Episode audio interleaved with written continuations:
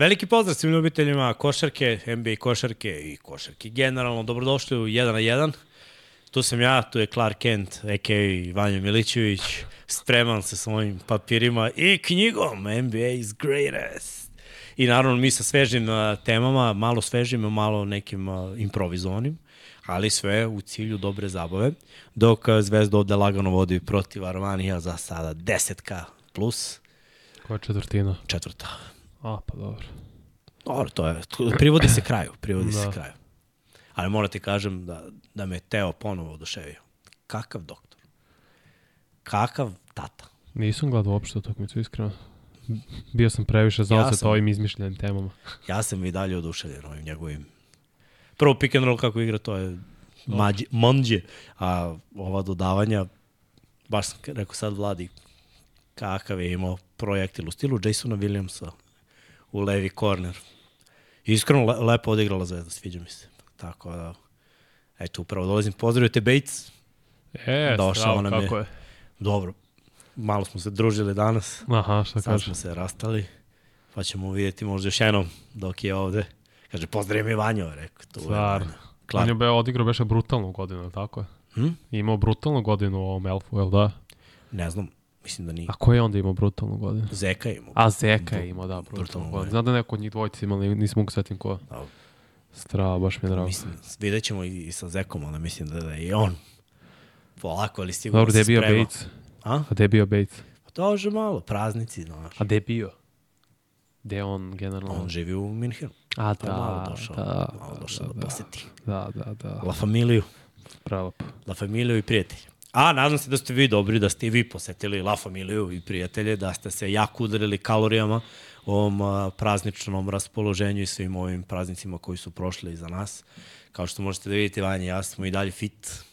A, možete da čekirate i naš shop pa da vidite ovako lepe dukseve kapice. Toliko je lano napolju, ovi minus seče, da je kapica potrebna. Ma, nosim veći je ovu- problem ovaj virus nego brate, minus napolju, iskreno. Da, minus virus, to sve rimuje. To, je- to ti sve isto. Moraš malo da udariš jače po, po imunom sistemu.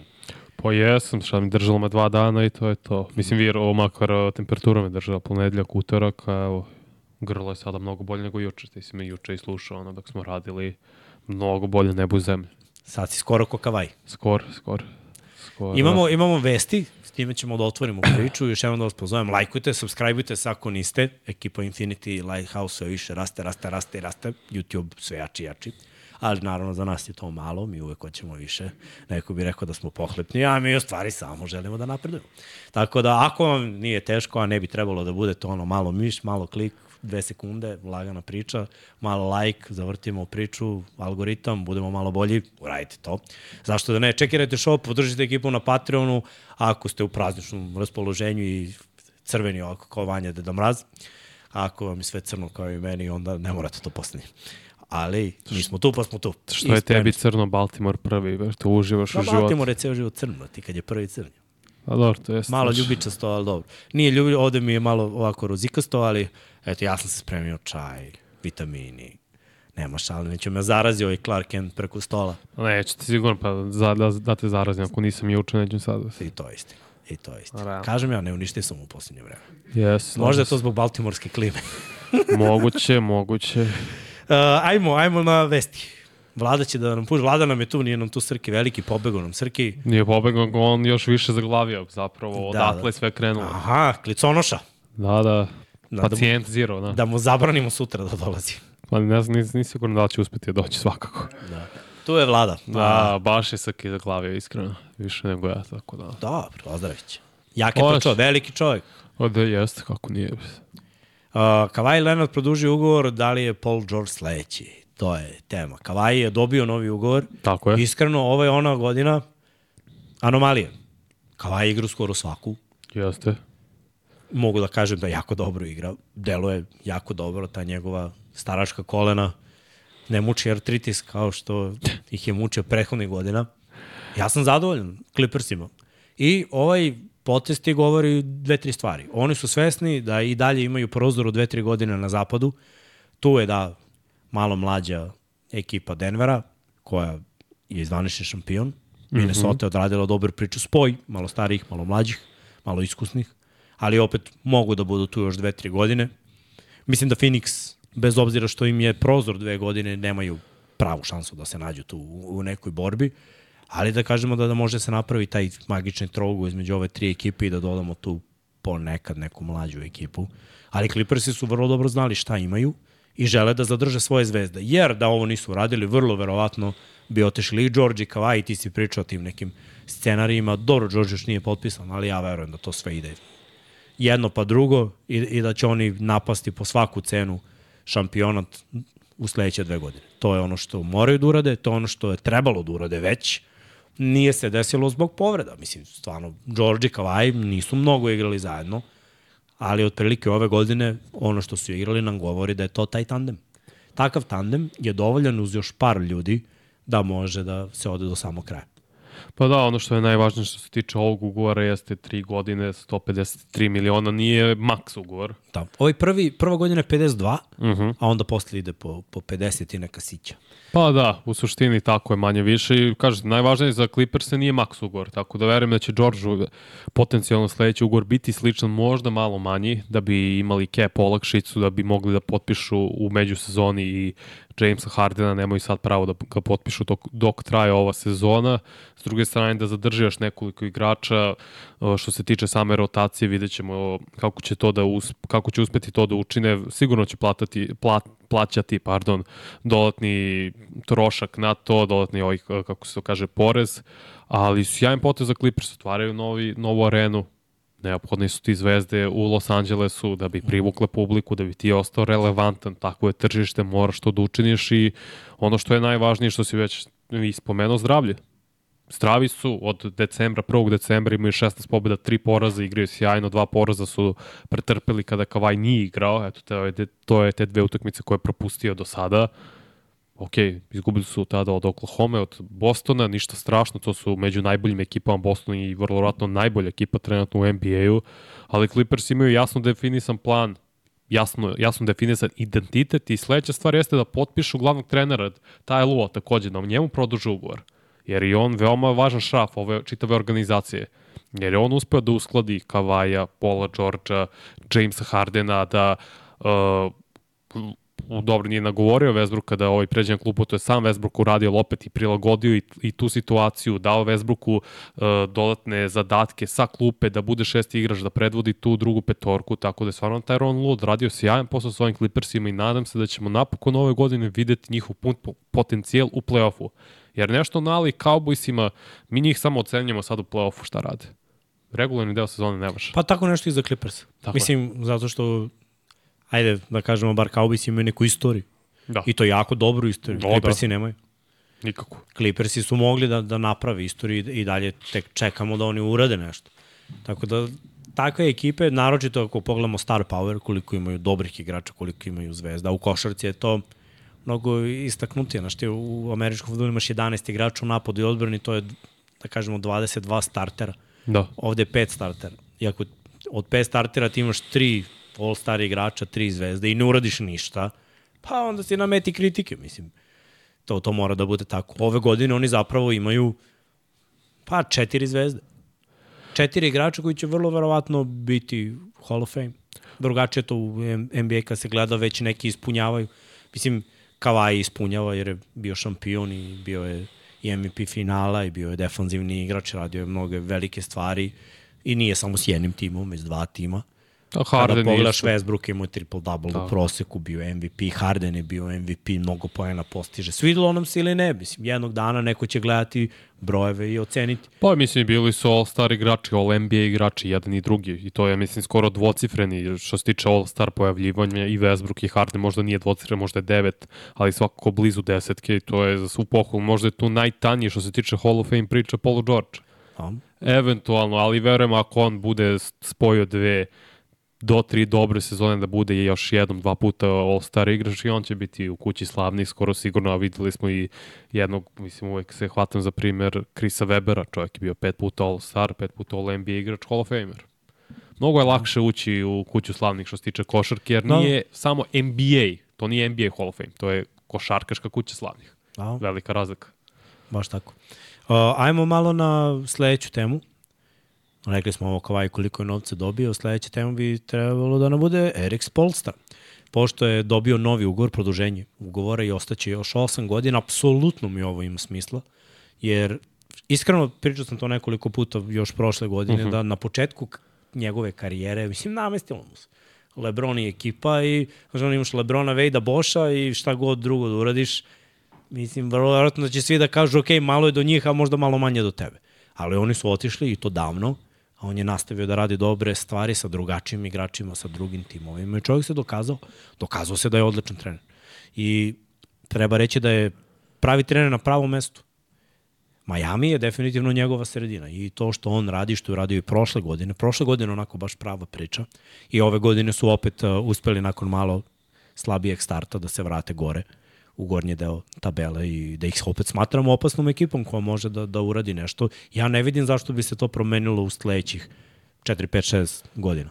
Jer ovaj čovek zna da uspostavi sistem, zna da razvija mlade igrače, zna da promeša karte, čak i kad, kad ima malo slabije, kad nema štihove, kad ima malo slabije karte, on zna da ih iskoristi u pravom trenutku. E, to je vrlina dobrog trenera. I zato mislim da je ovo odličan potez. E, Nije mnogo novca, zapravo. Mislim, u stvari ne znam s kim da poredim, jer mi nekako uvek na pamet padaju ono, NFL treneri, NBA trenere, kad pogledamo, da li je realno, koliko ih ima zapravo na jedno mesto da su zadržali posao ovoliko dugo? Greg je godinama u San Antoniju i uglavnom vidimo šetnju. Uglavnom, Pa čak i neko kad ima naći. uspeh i sve, Mike Malone je deveta godina u Denveru, ljudi obično menjaju sredinu. Vrlo često se traže rezultati preko noći, brzo imaš nekoliko godina da napraviš razliku. Evo, pogledaj zvanične šampione i ko je bio u finalima. Steve Kerr je dugo tu u Golden State-u. Ajde da kažemo da, da se on bliži da to bude 10 godina. Ali u principu nema mnogo trenera. koji- Pa nemam, su- samo Greg je duže na mestu glavnog trenera jedne ekipe od Erika Spolstre. Tako je. Tako da zaista zapravo i nema puno ti kad Ili gledaš. ideš ovim putem, ili ideš putem konstantnih promena. Pa šta ti više uspeha donese? Mislim, Miami je stvarno imao mnogo uspeha u eri Spolstra. Dobro, Miami je stabilna franšiza, da se razume. Istina? Miami je jedna veoma stabilna franšiza zbog Peta Riley. Od kad je on došao, šta je to, 95. godine, on je uspostavio jedan sistem i način rada u Majamiju, e, što su vlasnici odobrili tako funkcioniše Miami Heat. Znamo njihove četiri ere, kako je bilo i sa Alonzo Morningom, pa posle draftovali Dwayna Wade-a, pa došao Shaquille O'Neal, pa osvojili, pa malo tu bilo uspeha, pa nakon toga LeBron, Bosch i sve to i sada era Jimmya Butlera. Stvarno od tada i u poslednjih zapravo pet godina se po- pokazuje koliko je dobar trener Erik Spolstra. I Pa zašto ga stalno i brani Pat Riley i čuva leđa, jer je svestan koji kvalitet ovaj čovjek ima. Ti si spomenuo koliko dobro radi sa mladim igračima i ove godine je slična priča, nije na tom nivou, ali vidimo izuzetno napredok i Tylera Hero, i Bema Adebaja, i takođe Duncana Robinsona, pogotovo Duncana Robinsona koji je neverovatno Od napredovao. prošle godine je već krenuo da, da radi stvari koje nisam vidio njega. Tako je. Više Ali penetracije, više promjena, je i do više coachinga. utrčavanja, jeste? jer mu je dao, ulio mu samopouzdanje i naravno verovatno je i Seo rekao, moraš početi da radiš i druge stvari da bi pronašao minu, minute u rotaciji. I to pokazuje za sad da imaju uspeha Miami Heat, pogotovo u play-offu, ne verujem da bi neko volao da ih susretne u prvoj rundi, niti Boston, niti Milwaukee, niti Philadelphia pogotovo, pošto su pošto je Heat zapravo izbacio sve ove ekipe u poslednje dve godine iz, iz play-offa. Izbacili su Boston. Izbacili su Milwaukee, to obe ekipe prošle godine. Pre dve godine su izbacili Philadelphia. Tako da su oni veoma nezgodna ekipa sada da koliko će ovo još trajati, ključna reč si rekao što se tiče Clippersa, super zvezde. Koga će i oni još dovesti u priči su i dalje, zanima ih sada Dejonte Mare i zanima ih i dalje Donovan Mitchell, da li će se i čega od toga desiti, ne znam. Ali to je ono što Miami mora da pronađe, jer opet svaki put kad su oni imali te mini ere, trajale su od 4 do 5 godina u principu, ali su imali makar dvojicu all-star igrača ili trojicu. Imaju sada Jim Butler jeste stariji propušta utakmice, ali pokazuje kad je playoff u pitanju da je tu. Da igra vrhunski prve dve serije, ali se posle istroši jer je neophodna pomoć njemu. Nije on igrač taj kao što je kao White Leonard da može čitav playoff da izdrži, da odigra na sve utakmice na vrhunskom nivou, jer se prosto posle određenog perioda umori i troši i propušta čak isto i utakmicu u playoffu. To je neophodno Miami, da uspostavi još, da pronađe još jednu igrača koji bi došao Mare, mislim da to bilo fenomenalno, ali kako će da rade sada nakon što se završi, Jimmy Butler će biti, uh, Jimmy Butlerove ere će biti pravi test za Spolstru. Jer mi ne znamo šta, šta očekuje Miami u budućnosti. Da li će graditi oko Adebaja, oko Hero, da li su oni dovoljno dobri igrači, da stvarno gradiš oko njih i da li može Adebayo da bude najbolji igrač u šampionskoj ekipi. Ajde kažemo ekipi koja dolazi do finala konferencija konstantno. Pa jako je teško ako pogledaš ono, koje druge ekipe imaju igrače na visokim pozicijama. Tako je. I generalno pr prve zvezde ekipe, ali opet prvo mora da rešiš trenera. To je možda naj, najveći problem za mnogi. E pa Miami bar ima to rešeno. Da se ne lažemo, u istoku ekipe nemaju rešeno to pitanje. I često vidimo promene, ba, baš dosta promena. Pa vidi Boston, Boston kao ima uspeha, ali Boston je promenio u posljednjih 5-6 godina tri trenera. Jeste, ali Brad Stevens, On je i dalje tu, On je da, na naklada čelu sve. operacija, da, ali on je bio trener, pa je posle njega bio Judoka, Judoka, pa sada Mazula. Mislim, znaš, promene, promene, promene, jednom su uspeli da stignu u veliku finalu. Jeste, sad gledam ko su zapravo treneri koji su najduže bili u, ne, u nekim ekipama. JB Bickerstaff je bio u Cavaliersima do 2020. godine. On je šesti uh, trener što se toga tiče dužine. Provedeno je kao glavni trener u jednoj ekipi. Taylor Jenkins u Memphisu od 2019. Michael Malone u, Nuggetsima od 2015. Steve Kerr u Warriorsima od 2014. I naravno ova dvojica Spolstra i uh, Greg Popović. Jedini Boston. više od 10 godina. Tako je. Mislim, ajde, Kerr će sada da Možda. odradi tih 10, ali... Tako ga nešto. Pa da, dobro, dobro, krenuo. Znaš, u NFL je sad postavio standard. Otpuštaju se treneri na dobar dan. Pa jes, ali to je standard očigledno moderne, modernog sporta. Nemaš više strpljenja da čekaš za bilo kakav rezultat. Baš to.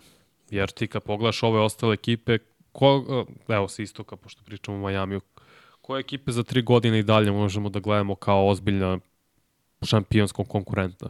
Celticse, pošto imaju mlad kor.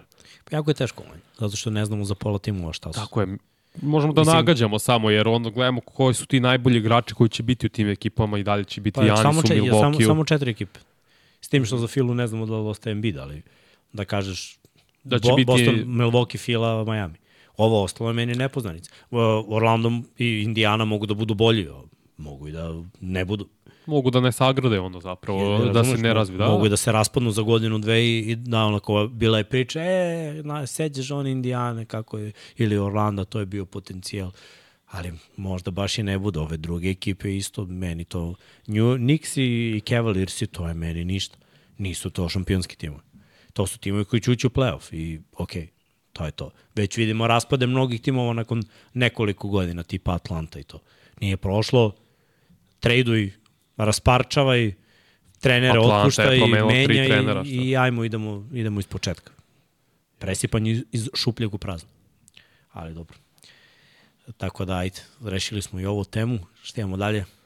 Vlado, iznenadi nas. Uh, Ja Morant propušta ostatak sezone. Problem za Memphis, šta je njihova budućnost? Pa ajde, možemo, mislim, ajde ovako, krenuli su sezonu loše. Najgori tim u Jesu. ligi, bukvalno da nema Detroita koji je I San užas Antonija. i San Antonija, ali kakve igrači imaju Grizzlies sramota je bila što su uopšte u konverzaciji s ove dve ekipe. Onda je došao Ja. I onda su krenule neke pobede, krenule je malo bolje, ekipa se primila, energija je bila bolja, pa povreda, operacija, kraj sezone. I šta sad? Pa ništa, sada budi očajan do kraja. Sada Tank. maksimal tank. Tank za tank. najboljeg pika. Pa Pa Mislim ne, da se nadaš da ćeš da dobiješ top 3 pika. Pa da, to zbog draft lutrije kako je sada namešteno i moguće da uđeš u top 3, nije uopšte nemoguće, nije toliko razlika o, trenutno, ali biti što gori sada, jer nema poente. Prvo, Marko Smart takođe propušta šest nedelja. To je, znači, nema ga, da kažemo, do početka marta, u suštini.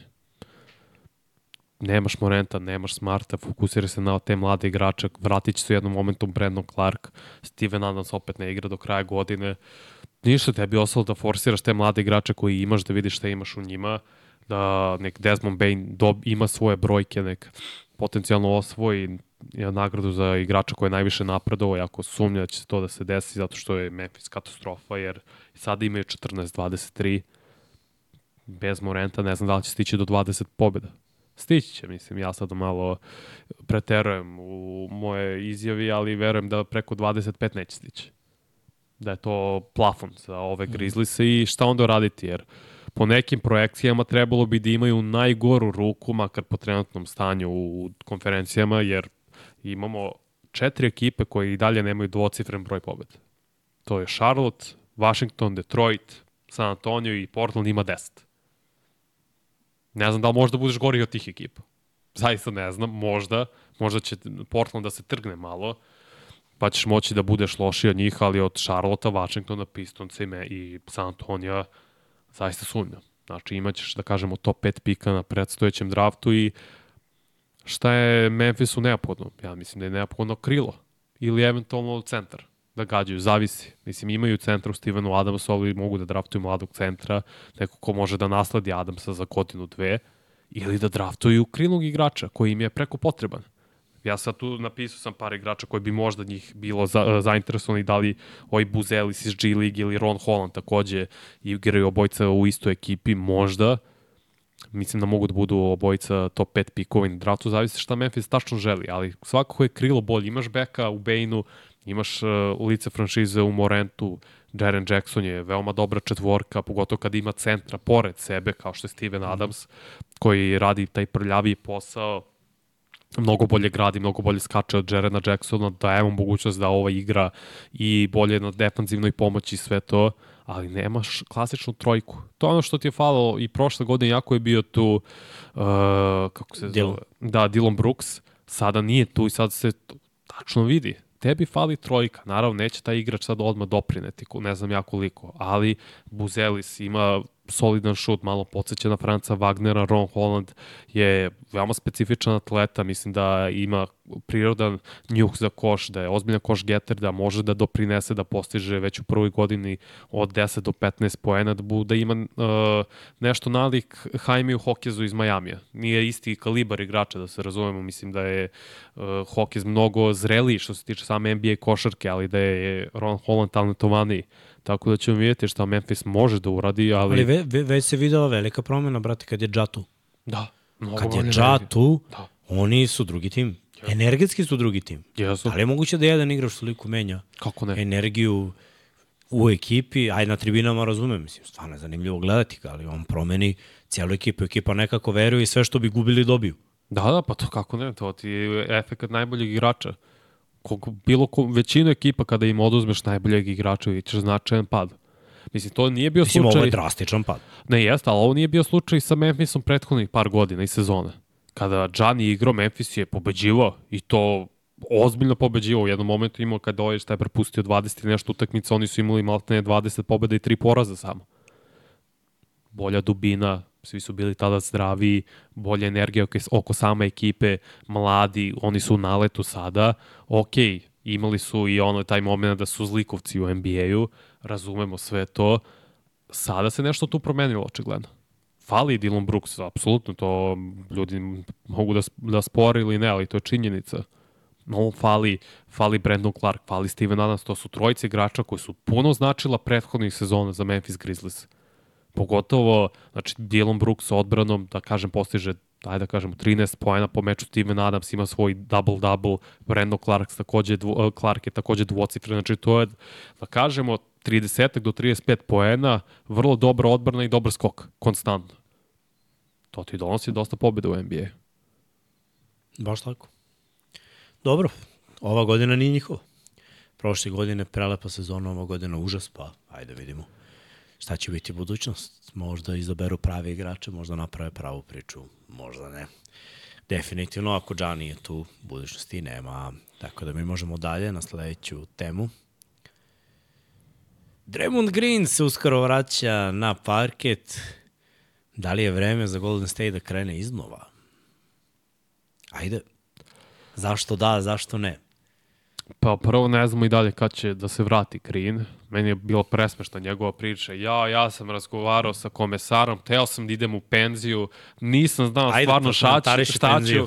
I on, me, on mi je rekao, ne, ne, može. ne možeš to da radiš, to je loše, moraš da igraš. I ja sam rekao, okej, okay, u pravci. kao da ne znam šta sada je, o, se desilo da on treba da ide u penziju, šta rekli su mu ne smeš da udaraš igrači, on rekao ja ne znam šta da radim, ne mogu, ne mogu da igram svoju košarku idem u penziju. Mislim, to je takav glupost šta je on izjavio da bi skupio, ne znam ja kakve vrste emotivne poene sa navijačima, to je jezivo. Aj, možeš da razmisliš ovo, ja imam teoriju. Aj, Ne igramo se košarka. dobro, neko ostane, neko onda nije trebao da se žali komesaru, mogu rekao neću da igram više i to je to. Ali komesar je rekao ne može. Pa Moraš ne da može njemu komesara zabraniti da li će da igra ili ne igra. Pa viš da može. Pa nije mu zabranio, sam rekao ne, to je Moraš da igraš. Kao rekao mu, nije bilo pametno da ne igraš, kao to je stvarno nije dobro. To je skoro pa prednja valja. Te, ne, da Raymond da neko drži u šaci. Raymond ima ugovor sa TNT-em posle svoje igračke karijere. Znači on ta, tu vrstu karijere može započeti odmah čim završi NBA. Da je sada otišao u penziju, verovatno bi za playoff bio spreman da bude pored Šeka Možda i... je, to, to je, to je najteže, Charlesa. najteže napraviti tu tranziciju. Od igrača do pa da kažeš komentatora, analitičara, stručnog konsultante. Jer ti i dalje sve vreme za sebe smatraš kao takmičar da možeš i dalje da igraš. To, to je, svaki sportista se susretne sa tom dilemom. Da li i dalje ovo mogu da radim na visokom nivou i procena, procena situacije. Da li je situacija dobra? Znači, čak i da sam ja malo usporio da možda ovo nije kao što je bilo pre, da li je ekipa u situaciji da ja sa ovakvom partijom, sa ovih svojih, ne znam, 60, 70, 80, kako god da sam oceniš procenata koliko imaš, mogu da dođem da, u situaciju da se borim za šampionski prsten, da se borim za neko individualno dostignuće. A, to su sve pitanja koje je Draymond verovatno postavio sebi, imao jedan odgovor, a onda je na polovini sezone, nakon dva, tri zanimljiva poteza, došao do drugog odgovora. Nakon suspenzije, kada imaš previše vremena da razmišljaš, jer više nisi u trenažnom procesu, nisi sa ekipom, nego sediš kući, gledaš šta drugi pričaju o tebi, slušaš šta drugi pričaju o tebi i shvatiš, ok, možda mi je malo previše svega. Da li je ekipa Golden State-a u situaciji da pruži Draymondu šansu da se bori za prste? Mislim da nije ove godine. Pa nije, mislim da nema šta oni Draymondu da, da pruže, oni treba da daju sve od sebe da pruže Stefu Kariju da se bori za šampionski prst. Da li svi zajedno mogu da pruže Stefu Da. šansu da se bori? Da. I to Deluje- je greška deluje- Steva Kera. Delo je da ne može. To je greška Steva Kera, jer se previše uzda u veterane. Steve Kerr ne zna da napravi mlade igrače. Da im da priliku, da im daje šanse, da im daje minute, da ih razvija kako treba. To nikad u svojoj karijeri nije pokazao. Da može da radi na konstantnom nivou. Pogrešio je i dalje sam ubeđen što... nis- Dobro, dajde da te ispravim. Zna, ali određeni broj. Ta generacija prva koja je naletela, oni su relativno bili mladi, s njima je sklopio pakt i to je to. Van njih je dovodio veterane oprobane koji su su Misliš na sklapali- ovu trojicu? Mislim. Mislim, nisam, Mark Jackson, ja to, to se ne, uopšte ne slažem. Mark Jackson je razvio Stefa Karija i Nije ove. bitno ko ih je razvio, ali ovaj ih je nastavio da ih usavršava, jer okay, ovaj ovaj ih je možda razvio, ali nije znao da ih proturi dalje, da, do nekog uspeha. Steve Kerr je prvi Dobro, koji ih je Tek su krenuli, doveo do visine. oni su ga šutnuli Zato pre ti nego što- kažem, zna da radi s mladima, ali s mladima koji su već stavljeni u ono, kontekst, u dobru situaciju. Okej, ja kažem, on ne zna da razvija mlade. Od tada, ja, osim Jordana Pula, nisam primetio mladog igrača, jer svi koji su kažem. bili deo te šampionske ekipe, Godala veteran, Sean Livingston veteran, koga god da su menjali na Tako centrima, Bogut, Pačulija, veterani. Uh, Pre toga je bio Lee, takođe na, na David četvorci. Lee, jeste. Uh, šta su još, kad je došao KD, to je znamo kako je išlo, bili Tako su je. najbolji tim u ligi, ali to je, mislim, MVP, došao pored MVP-a da igra. U principu sve se uvek svodilo na ovu trojku i ja mislim da, da on ne zna da vodi ekipu van ove trojke. Upravo to, to je, to je glavni problem, jer ti si, Kako ti se čine ovo period bez Draymonda? Bilo je dobrih, dobrih partija. pa bilo je dobrih, ali ove poslednje dve utakmice ni jednom momentu nisu vodili. Bili su pregaženi od strane Pelikansa kod kuće, to je najteži poraz u eri Stefa Karija, 36 razlike eh, kod njih, to je katastrofa. Baš u jednom momentu su gubili 40 i nešto razlike. Gledao sam tu utakmicu, stvarno bilo jezivo videti. Igraju bez energije. Kao da ne žele da, bude, da budu tu. I mislim da samo čeka moment kad će napraviti neke trade-ove jer moraju. Da li će traduju Draymonda, Clay Thompsona, nemam predstavu sada, kasno je sada, mislim, trebaš da forsiraš, to je trebao si da forsiraš i Kumingu, i Mudija i sad pod Zimskog, kog imaš kao Novajliju i zanimljivo igra Tracy Jackson Davis, isto i Novajlija. Trebaš, trebao si njih da forsiraš mnogo ranije kad si imao Pula i Weizmana, jer si imao te godine savršen balans veterana, šampiona, mladih igrača. Ok, Otaros, o, pustio si Weizmana, ok, nije toliko sad važno bilo. Ali imaš i dalje Mudija, Kumingu i tad si imao Pula nakon osvojene šampionske titule koji su doprineli i relativno mladog ne toliko, ali relativnog mladog Viginsa, koji je imao ozbiljnu ulogu sad Viginsa i nepre, neprepoznatljiv. Raspala se njegova igra kompletno Da. od prošle godine. Pa dobro, mislim i on je veteran. Sad jeste. Ali si imao dobar balans i ti si uspeo to da upropastiš jer si bio pohlepan, jer si te, ajmo još s ovim veteranima, još njih da forsiram. Neću da dati priliku mladim igračima da se razvijaju, ne verujem u njih, nekad ih čak i ne stavljam u igru. I to im se obilo glavu. I sada moraju da se vade. Imaju 17 pobjeda i 20 poraza, 12 su na zapadu trenutno.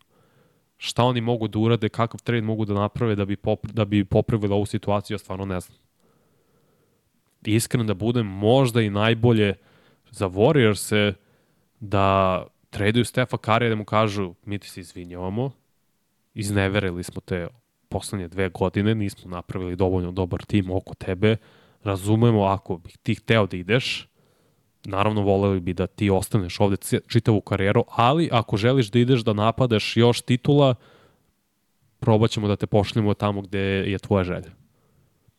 I onda dobije što više iz toga i krene iznova. Jer svaka ekipa kreće istina iznova iz, u nekom momentu. San Antonio je krenuo iznova, morao je.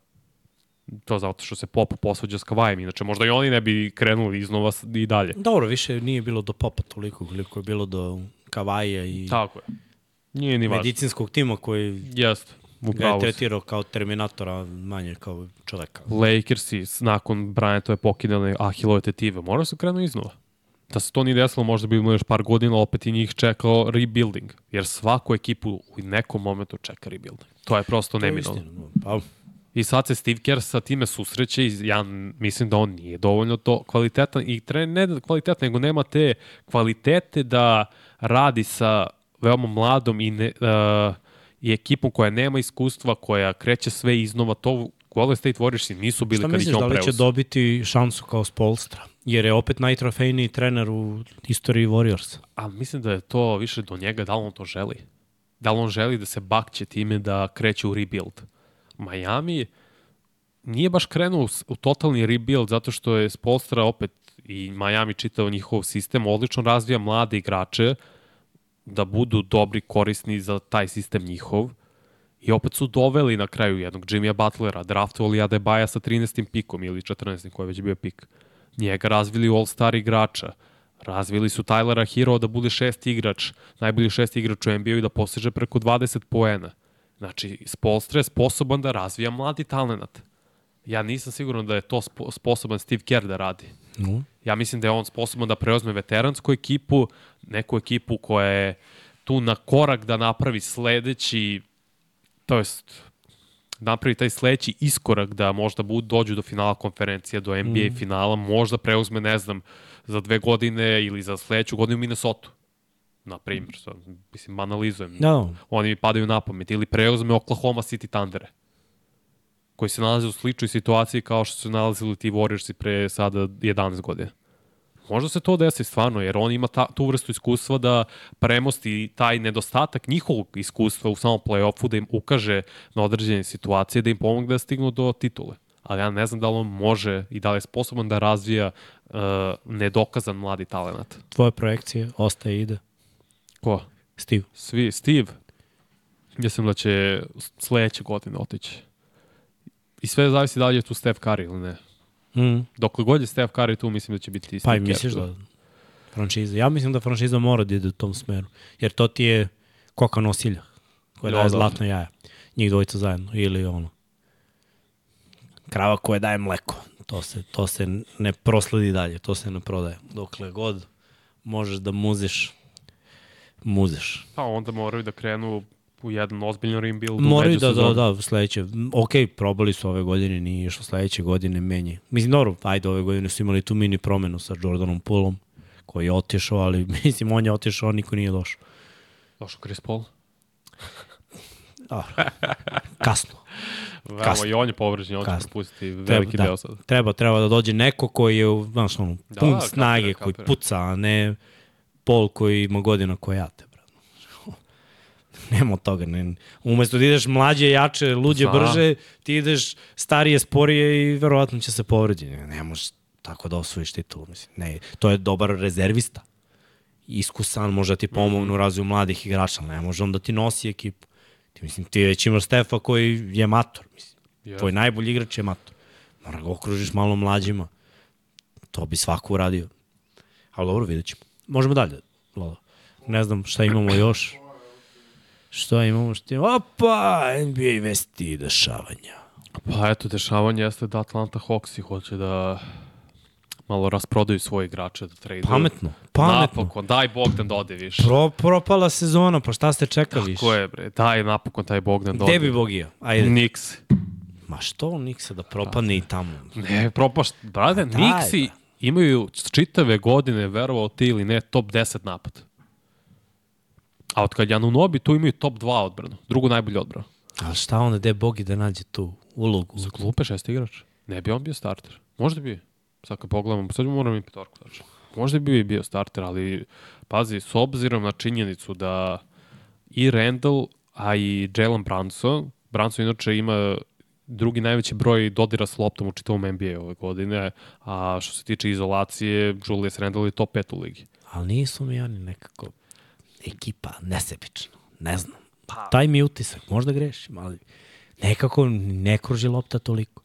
Pa možda mi sam mogla da kruži, jer oni nemaju, oni na klupi imaju Josha Harta, imaju sada ovog Prešisa Čivu, Quentina Grimesa, ali njima baš treba jedan Bogdan, čovjek sa loptom, koji može sebi da stvara odličan je šuter. Mislim da bi on zaista procvet u Nixima jer bi dobio odrešene ruke sa drugom petorkom. I bio bi u ključnim momentima kada se lomi rezultat u četvrtoj četvrtini, taj čuveni clutch time, 5 minuta do kraja utakmice kad je razlika na 5 poena ili manje, on bi bio u igri. Jer Nixi nemaju konstantnog šutera za 3 poena. To No. fali Nixima da bi njihov napad bio otključan na sledećem nivou. Jalen Brunson je užasno napredao ove godine, zaista igra sjajno. Ođi Anunobi koristi svoje prilike, videli smo baš ono što sam pričao, utrčava, ne, nije puno lopta kod njega u rukama, ali iz pika koristi catch and shoot je igrač, dok s druge strane, mislim, Di Vincenzo je ok igrač, a mislim da je Bogdan bolji. Dobro jeste. Kako I mislim da bi bio baš korisniji sa Nixima, da li kao starter umesto Di Vincenza, a Di Vincenzo da ide na klupu ili kao šesti igrač, pa njih dvojica da se rotiraju, nije važno, obojci su igrali slične uloge u svojim NBA karijerama, ali Nixi će igrati playoff, možda će čak biti četvrti nosilac ponovo, prošle godine su bili peti zapravo, četvrti sada, da budu domaćini u jednoj playoff seriji. Uopšte opet nije, mogo, ne, nije nemoguće da stignu do druge runde i nakon toga šta će biti, bit će. Mm. Jer popravili su sada dolaskom Manu Nobije. To je očigledno i mnogo se i lop, lopta se bolje kreće jer je Beretu bila neophodna lopta u njegovim rukama. Anu Nobiju nije. On je veoma zahvalan igrač, a Bogdan mislim da bi zaista bio sjajan. Mislim da ga ti vidiš. Ja mogu ti kažem gde bih volao da ga vidim. Pa ajde reci. Ja bih volao da ga vidim u nagicima. Isto da bude šesti igrač, da bude s drugom petorkom. I naravno u pojedinim petorkama sa Jokarom. Jer realno ti kad uzmeš drugu petorku Denvera, nemaju takvu šutera. A znači, a na zapadu će trebati. Ove godine širina će se puno ceniti. Naroče, po, pogledaj malo ono, kad, kad ajde da kažemo nisu bili zdravi nagici čitave godine, pa je malo odmarao Jamal, ali da uzmeš tu prvu petorku, tu znaš na čemu si. A onda s ovim igračima koji ulaze, Pa dobro, Reggie Jackson, Christian Brown. šta bi Peyton pre imao Watson. Bogija ili Kristijana Brauna i Peyton Watsona. Mislim, ja znam šta bi ja imao pre. Više bi volao da je tu Bog. Dobro, Pritom više razumem. bih volao da gledamo ekipe koja može da osvoji. Bogdan nego- inače je bio proglašen za najboljeg srpskog košarkaša prethodne godine. Čak ima većinu glasova da je pobedio Jokić. Dobro, ovde se zna koliko ljudi ne vole Jeste, Jokića i tačno. zašto. To je tačno. Je god treba uvek je tu, zato ga svi vole. Da, to jeste. I odličan je košarkaš, da se razumemo. Naravno da jeste. Ali to ko je najbolji nije uvek takmičenje ko je najbolji, nego koji je najpopularniji. I tu mogu da ti kažem da mnogi, većina deli mišljenje. Ja ne pamtim kad Bogdan nije igrao za repku. Osim kad nije bio sprečan zbog povreda. Pa da. To, tu kupiš velike simpatije, mislim. Ne mogu shvatiš pogrešno. Ja sam neko ko se bavio sportom i najveća čast je igrati za repku. Poenta cele sezone, ako ima repka na kraju, je da budeš u repki. Ono, to, to ti je neko priznanje, nema ništa jače od toga. To, možda je do, ne znam, generacija. Pa može, ako bi se ko zna. A Fila? Nisam siguran. Iako bi možda na papiru to bilo dobro. Ne znam koliko bi lopti išlo u tom pravcu. Dobro, mnogo se lopta bolje kreće sada. Uopšte i više Embiid ima 5-6 asistencija i Max ima preko 7, baš lopta se mnogo bolje ja sada ne bih kreće. samo voleo da bude situacija, dođeš u filu i ono, bude kao u Atlanti. Neka te ima, neka te nema. Voleo bih da, da prvi put, znaš zašto? Zašto gledam mnoge te priče kad se stalno priča ono, evropskim igračima i to, nikad Bogija nema ni u jednoj priči. Mislim, o strane američkih analitičara i tada. Dobro, zato što prvo nikad nije bio na All-Staru. Pa nema veze. Pa znam zato, Ali je jako, zato pou, se ne ali je jako pouzdan i dobar, ali znaš zašto nije? Zašto nikad nije dobio pravu šansu. I Jer je čak i tačno. da nije bio na All-Staru, a da je jako dobar šesti igrač, ti bi ga ubacio u neku priču, ok, ali da, on može da saspe 20 po tekmi, daje 20, lupam 15, 20 po tekmi, sve. Ti od Bogija može da vidiš 30, može da vidiš 10, kako nemaš u tebe. Ili ako mu je loše veče. Trebam, ja želim da ga vidim u nekoj ekipi gde, gde će imati.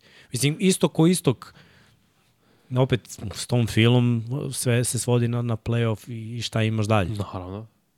Kako vidiš, kako vidiš klupu Milwaukee, šta oni su sad puni šutera. Može Ne, tamo. Milwaukee ima ozbiljne probleme, može tamo, ali Milwaukee ima drugi problem, odbranu ne igre. To je Milwaukee problem. Nisu sad više šuteri, jer imaju Beasley i Lillard, oni ne igra odbranu. Ne znam koliko bi Bogdan tom aspektu pomogao, iskreno. šuteve.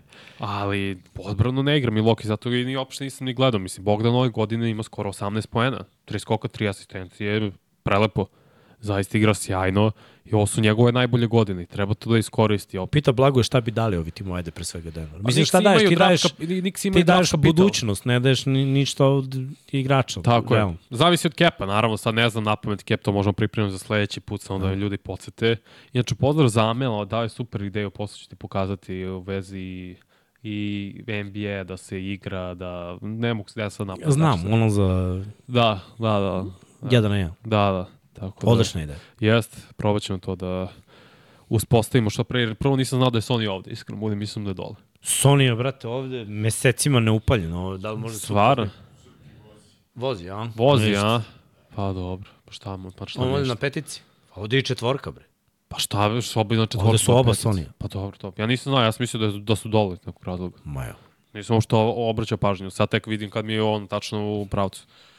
Ali što se tiče samo kepa, ne znam šta bi mo- morali da daju. Nixi bi dali pika prve runde. Imaju dovoljno draft kapitala to da izvedu. I kažete, mi ispod radara Nixi igraju veoma dobro i mislim da je stvarno može ovo godina da bude njima pa godina da mogu nekog da iznenate, iznenate. Ali za to mislim da moraju da dođu do trećeg sida. Jer mislim da Boston ne mogu pobede u drugoj rundi. Pa, To je problem. Moraš neko da Neko ko dođeš. će moći. Da, moraš da dođeš. Mislim, Fila nije daleko. Fila ima 23-13. Knicks i Pacersi i Cavaliersi iz nekog razloga imaju 22-15. Znači, to je razlika od jedno i po utakmice. Vrlo je na, na dohvat ruke to, ta treća pozicija na istoku i zato bi Nixi sad trebali da, za, da zagrizu, da draftuju, draftuju, bože, da traduju za Bogdan ili za nekog drugog igrača, zainteresovani su inače i za Dejonte Marea. To bi bilo isto iz drugog aspekta sjajno za njih i za Thibodeau koji voli odbranu. Marej 6-5, dugačke ruke, ogroman raspon ruku ima, veoma zahvalan igrač, mislim da bi se bolje pronašao u Nixima nego u Hawksima i jako opet Branson ima do, mnogo dodira s loptom, ali mi delo nesebičnije nego Trae Young. Ko ostaje u Atlanti? Samo Young. Young, Jalen Johnson i još jednog igrača su naveli oko, oko koga bi igrali, da li je to Clint Capella bio ili oko Rongvo, nisam siguran. Mislim da je ovaj drugi. Mm. Tako njih trojica sigurno ostaju. Crni dani se spremaju za Atlantu. Pa dobro, šta se radi? U oba, u oba sporta koja mi pokrivamo. Mora, mora. Sam da vidim da li bilo još nešto što se tiče NBA vesti. Dalje nema ništa. Za... Dobro, ovih dana su nas NFL vesti onako sasekle, pa a, uprostite ako nešto zaboravimo, jer je bilo Da. pa, pa, pa, pa, pa. Brat. Ode Vrabel, ode Bill, ode Pete Carroll. Ode Nick Saban. Odaše, da svi odaše čoveč, Sve. šta je? Ajde, za neke smo očekivali, ali... Dobro, i dalje se čeka da vidimo šta će da urade što se tiče Zeka Lavina, Chicago Bulls i Demara DeRozana. I dalje se čeka situacija za Sijakama. To će te da se zapravo zahukta krajem januara, Mm. kad se budemo Pa bližili All trade deadline, deadline, tako je. Tada će zapravo da krenu da se javljaju ekipe, da vide šta, ko, kako, gde Sijakam je rekao da ne vidi sebe u Kingsima, na primer. Ne odgovara mu taj fit tamo, on želi da dobije maks ugovor, tako da ćemo vidjeti gde bi on mogao da završi na kraju krajeva, ali Težonte Mari, za, Lakersi su in, zainteresovani, Miami je zainteresovan, čini mi se, već se spomenuo New York Knicks-e, Detroit Pistonci, mislim, koga briga šta Pistonci žele, jer su ako najgora ekipa trenutno i još jedna ekipa mi je tu na vrh jezik, moram proverim koja, koja je zainteresovana za Mareja, a to su Philadelphia 76ers, da. Tu ne, oni bi se pokvarili. Mislim da kod njih ne bi. Ali Da. dobro, Lakersi nemaju klasičnog playa, Pa nemaju, da. dobili bi nešto. Va, Lakersi vole promene, vole Lebron. Mm. Ne znam šta bi dobili, ali dobro. Pa dobro, Ne znam dobili. šta bi dali zapravo. Pa pravo pitanje je šta, šta želi Atlanta, to je pravo pitanje. Šta oni žele? Da. Jer svi ovi timovi mogu da žrtvuju budućnost, a ovde se ne traži, mogu. ne traži se budućnost sledeće godine, nego mnogi timovi, to sam video u poslednje vreme, daj ti nama iz 2028. Mislim, to, Dobro, to je baš kalkulisanje, jer gde je taj igrač čovječ 5 godina odavde, ali dobro. mislim. Da, to je baš Kapital je kalkulisanje, kapital. jer ti misliš, aha, Lakersi će te 2028. 9. biti baš loši, nema Lebrona i Anthony Davis će biti u svoje koje 16. 17 sezoni, znači možda neće ni biti tu, znači on će biti loši, visok pik potencijalno, a top 5 pik. Pa dobro. Mislim, baš igrica. Dobro, ti Jest. voliš te igrice. Ali to je previše, stvarno, gledanje u pasulj za nešto, jer ono, nema pojma. Šta još voliš? Voliš Šta? Pa, zavisi. teorije zavere i voliš potencijalne Pa ne, volim teoriju zavere. Baš. laž. Kakve vrste teorije zavere? Šalim se, ne volim toliko. Ne znam Voliš šta bi bilo kad bi bilo, to je Vanje nomiljeni. zašto. U, to volim. To je. Evo, danas smo vam spremili šta bi bilo kad bi bilo i slobodno se uključite ovde kroz komentare. Pa to je point da bi se ljudi zapravo uključili. Pa, Jer... malo da, malo da, da ovaj, nam bude laganija atmosfera. Pa Ba- jeste laganije da sada i dalje pričam kroz nos da se ne forsiramo previše. Opet za nedelju dana sada je NBA usporio maksimalno. Nema sad toliko dešavanja. Biće 100% gosta sledeće nedelje. Znači to evo sad obećao. Nisam obećao do sada da goste, ali sa, sada hoću. Tako da ćemo imati s kim da razgovaramo o svemu što je do sad bilo na, u NBA-u, pardon. Tako da ćemo vidjeti šta kako, a sada je zapravo ideja bila moja, to, se, to mi danas palo na pamet, to možemo jednom i kroz igrice jer je mnogo lakše, ali možemo ovako kroz razgovor. Šta bi bilo tih 90-ih na istoku i u NBA-u samim tim da Jordan nije postoje? Da Bullsi nisu uzeli šest prstena u tih osam godina, osam sezona, da prosto nije bio Michael Jordan tu. Šta bi se dešavalo onda na istoku od te 91. do 98. godine? Da, to je zamisao igrice. Pa ćemo Dobro, proći. bilo i za 2000. Pa da, bilo je i za, da, ne, ne može stiglamo sad, to ćemo možda sledeći put za Lebrona. Šta bi bilo da Miami nije, da Lebron, Wade, Bosch nisu napravili super tim? Šta bi se desilo u rasponu i da nije pravio posle super tim sa Kairijem i Kevinom Lavom? Šta bi se desilo na istoku tih 10 sezona? Pa, zapad bi dominirao. Ne, Zapad bi svako dominirao i dominirao ovako i da on pravio super tim ili ne. Ali šta bi se desilo na istoku, to je zanimljivije, zato što uvek bila ta priča i pogotovo i u eri Jordana i sada u eri, to jest u eri Lebrona, makar to na eri u istočnoj konferenciji, šta bi ove druge ekipe možda, da li bi napravili neku ozbiljniju priču nego što jesu, da li bi ti Pacersi sa Paulom Georgeom stigli možda do NBA finala? Igrali protiv San Antonija te 2013. možda 14. godine ili kad već. Možda bi Boston Celtics i 2011. uzeli titulu. I 2012. jer su bili već sklopljena velika trojka, izbacio ih je Miami prethodnih dve godine iz play-offa te dve godine. A malo je falo da se Boston nađe opet u play-offu. Da li bi Derrick Rose igrao NBA finale? Te 2011. kad je bio MVP ligi.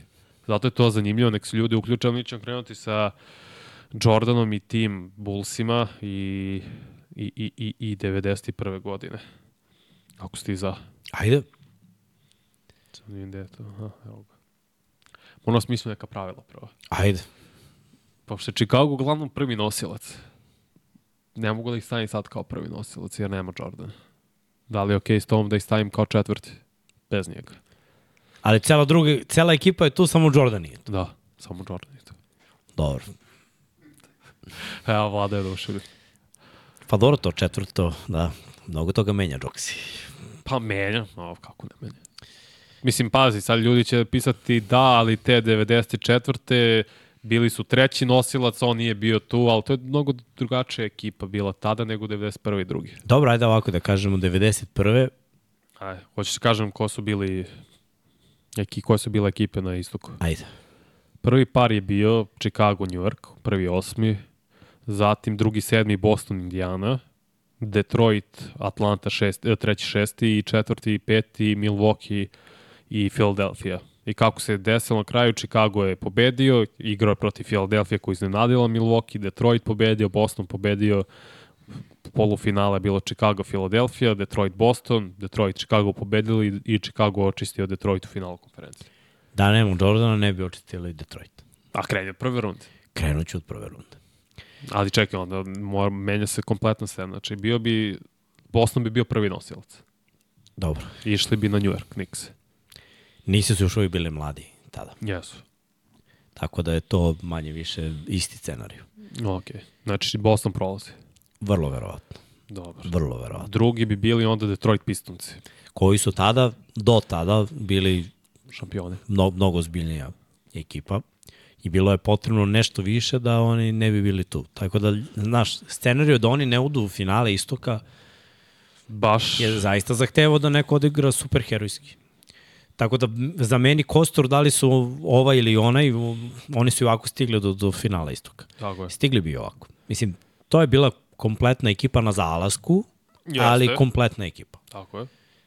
Bio je potreban ono, iskunski napor da, da se oni maknu. Tako da ja mislim da nema Jordana, oni bi verovatno ponovo stigli do, do finala. S druge strane, Milwaukee taj koji je bio na kraju četvrti, ali zapravo u našem ovom ludom scenariju, ovom ludom scenariju, u mojoj ludoj nenormalnoj glavi, treći. To je ekipa koja je predvođena, mislim, Ricky Pierce, Dale Ellis je tu bio, Alvin Robertson, ali ništa tu nije specijalno, Jay Humphries, to su igrači koji su beležili oko 13 poena i Ricky Pierce je beležio preko 20, ali ništa je to sada wow. Što se tiče same ekipe, oni bi igrali protiv Atlante i Dominika Wilkinsa, koji su tad bili šesti nosilac. Ja mislim Ali da bi? Atlanta to bilo iskreno. Možda, ali opet ta ekipa, te ekipe opet nisu bile naprave, napravljene za velike domete. Tako je. Jer manje više zavisi mnogo toga u play-offu u košarci od match-upa, jer ti ne igraš jednu utakmicu gde ono kao možete dobije neko i eliminiše. Ne, nego ti si morao da pobediš određeni broj. Tad je bilo drugačije, nije, nije Tako, u prvoj rundi je bilo na tri pobjede. Tri pa posle četiri. Ali opet si morao da uspostaviš neku dominaciju u seriji. I to je onda do mečapa, kako kome legne koji mečap. To, toga, toga imaš i danas u košarci. Isto može da ti legne ekipa da si bolji u regularnom delu, da imaš bolji skor i onda dođeš mm -hmm. u play-offu i ne legne ti mečap i izgubiš. Tako da, ali gledaj, to, to važi za prvu rundu. Može da, može da ti se posreći u drugoj rundi, ali onda sve dođe na svoje, znaš. Uglavnom, ja mislim Da da, li- da, bi Aha. se sve svelo u polufinalima istočna konferencija na isto. Čekaj, da li bi u prvoj rundi onda taj Chicago pobedio Philadelphia predvođenim Charlesom Barkleyem? Opet ni Barkley u tom trenutku meni lično nije bio na vrhuncu. Taj, taj Barkley iz Filadelfije, ne znam, nešto mi je tu još, još falilo. Ne kažem da bi bilo sigurno, ne bi bilo lako, ali mislim da je Chicago bio prilično kompletan tim. Mislim, Jordan je tu nosio mnogo toga, radio je brutalne stvari, ali nisu baš bili ono, bez košarkaškog znanja. Na, na šta je velika razlika između 94. Za te tri šampionske sezone, mnogo je Scottie Pippen evoluirao, mnogo je napredovao. Nije on bio isti igrač 94. i 91. Pa zato 94. kažem, da, da. bio mnogo bolji igrač koji je već bio bolji. zvezda i koji je mogo da nosi ekipu i mnogi su ga smatrali zvezdom. Možda nije bila savršena sezona Bullsa kad, kad je Jordan otišao, ali imali su bolje igrače, mislim, po mom mišljenju. Sad, kada Da. uzmemo Grant je bio tu, Jeste, on je bio početi. jako koristan igrač, mislim, u te prve tri šampionske godine.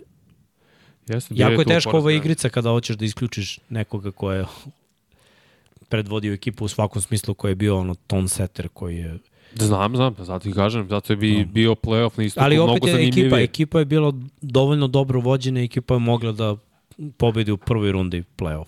Sa, samo mislim da bi Detroit otišao do kraja, jer na kraju je Chicago pobedio Detroit, rekao si, učistili su ih, mm. -hmm. a vrlo verovatno da bez Jordana ne bi to uradile. Sad, da li bi Detroit igrao protiv Chicaga ili bi se ro, ovaj, Pa za Chicago bi u ovom tvojem scenariju igrao protiv Bostona onda, Pa. u drugoj rundi. I vrlo verovatno da, da bez Jordana Staje priča. bi možda Bo Boston da prošao dalje. Ne mora da znači, može da bude, ne mora, ali opet obe te ekipe bi došle na Detroit i po mom mišljenju taj Detroit je bio sposoban da nije Chicago da izgura još jednu godinu. Ja se slažem, ja sam isto stavio Detroit da ide do NBA finala i da ponovo pobeđuju Los Angeles Lakers. Zapad ne diram, zapad se tu ostaje isto kogod je došao u finale, došao u finale, jer to bi bilo onda u ovom izmišljenom svetu četvrta godina za redom da je Detroit Pistons igrao NBA finale. Uradili bi nešto da nije bilo Jordana, što ni sami Bullsi nisu uspeli da urade, zato što Jordan otišao ranije u penziju. Da igraju četiri uzastopne godine NBA finale i da osvoje tri od četiri. Jer, da, bili su tada stari Boston Celtics i dobro su se držali, oni nije, sad ljudi da me ne smate pogrešno, i dalje je to bila veoma ozbiljna ekipa, ali Larry Bird je odigrao tada samo 60 utakmica, D. Brown je bio veoma dobar, tada bio je i tu, mislim, bilo je raznih igrača i Kevin Gamble takođe, ali Reggie Lewis, Kevin McHale je isto bio u zalasku svoje karijere kao Robert Perry, što je bilo dobra ekipa, uh, imali su dobru dubinu, ali opet, starija ekipa. Bila je, bila je promena. Krenula je promena, znaš, i, i mlađe ekipe su počele da, da se pojavljuju, a starije ekipe, to je već bilo ono. Pa evo ko sada Golden State. Mislim, samo što je tad, da da kažemo, aj uzmi sad zapad i izbaci ono. Mi, mislim, nemamo ekvivalent za Jordana, ali da kažemo da izbaciš najveću neku zvezdu, da li bi Golden State sada, da nije toliko jaka konkurencija, mogao da dođe do finala. Pa Ne. Ne možeš, ne možeš da znaš. Mislim, ove godine možeš, ali prethodne godine nisi mogu. Zamisli da nije bio LeBron tu s Lakersima i da im se namestio neko drugi, da im match up legne. Oni bi možda stigli do finala sa lošom igrom. Mislim, sad ekipom koja Wiggins nije igrao pola, krenuo da, da igra traljavo, Clay se raspadao, Steph je kidao i oni su pobedili u prvoj rundi, mogli su da je na leto, zamisli ne, neko kao sličan Sacramento, neka mlađa ekipa, neiskusnija ekipa. Uh -huh. Oni su mogli to da prođu. I to bi bilo ono kao, wow, pogledaj, samo Lebrona da se izbaci iz Lakersa, to bi se desilo. Pa, To bi se sigurno desilo. da, ali ti Zato kažem, sve ove ekipe, znaš, iskoristile bi to što nema Jordana, Jordan tad bio ono, mlada snaga, poletan igrač i, i sve to. A još uvek neke nove ekipe se nisu napravile, tipa Nixi, tipa Hit. Indiana. On, njima je trebalo malo više, nije to baš bilo 91. više tamo, Da, njima treba još nekoliko četvrta, godina. peta, šesta. Znači, složili smo se Detroit, bi onda uživao i... Pa to da li bi dobili oni, to bi bio okršaj staraca. Dobro, mislim, ja, ja mislim da bi dobili Lakers, iskreno. To je ono god, to je. Vlade Divac finale kad je igrao sa Da. Magicom. Lakers su jednu utakmicu otkinuli Bullsima, mislim da u tom momentu su ti Pistonci zaista bili spremni da ono Joe Dumars je igrao fenomenalno, on je predvodio tim po broju poena, pa je onda nakon toga bio Isaiah Thomas koji dalje 16 i 9 asistencija je skroz ok, Mark Gvajer je tu bio, vidi Johnson i dalje Dennis Rodman bio sjajan, mislim 13 skoro, skokova po utakmici, tako da su zaista Pistonci igrali fenomenalno, mislim da bi osvojili, eto, to bi onda značilo tri titule za redom. No, ili bar jedno veliko finale više. Ali opasna, opasna ta ekipa. Jesu, kako nije. To ekipu je na kraju brzina ubila. Mladost, da. brzina, polet. Mislim, dosta je, dosta je značilo imati tu mlađu ekipu koja je konačno stasala za velika dela. To je Chicago lansiralo. 92. Šta ljudi piše? Da li ima što zanimljivo? Evo Meni je ima to. svašta. Ja, ja, čekaj. Kaže, Stockton i Melon bi imali par titula. pa kaže, šta bi bilo da Durant nije visok 213, nego da je 204, da li bi bio toliko dobar i dominantan? Pa, vrlo verovatno ne toliko. Šta mislite o Bogdanu u Pelikancima? CP3 u Los Angelesu, ne znam u kom timu. Ne piše da li je Lakers. Verovatno u, u Lakersima. Uh, da nije bilo MJ-a danas ne bi imali titulu jer smo jadni od 97. čekamo zadnju titulu sramota.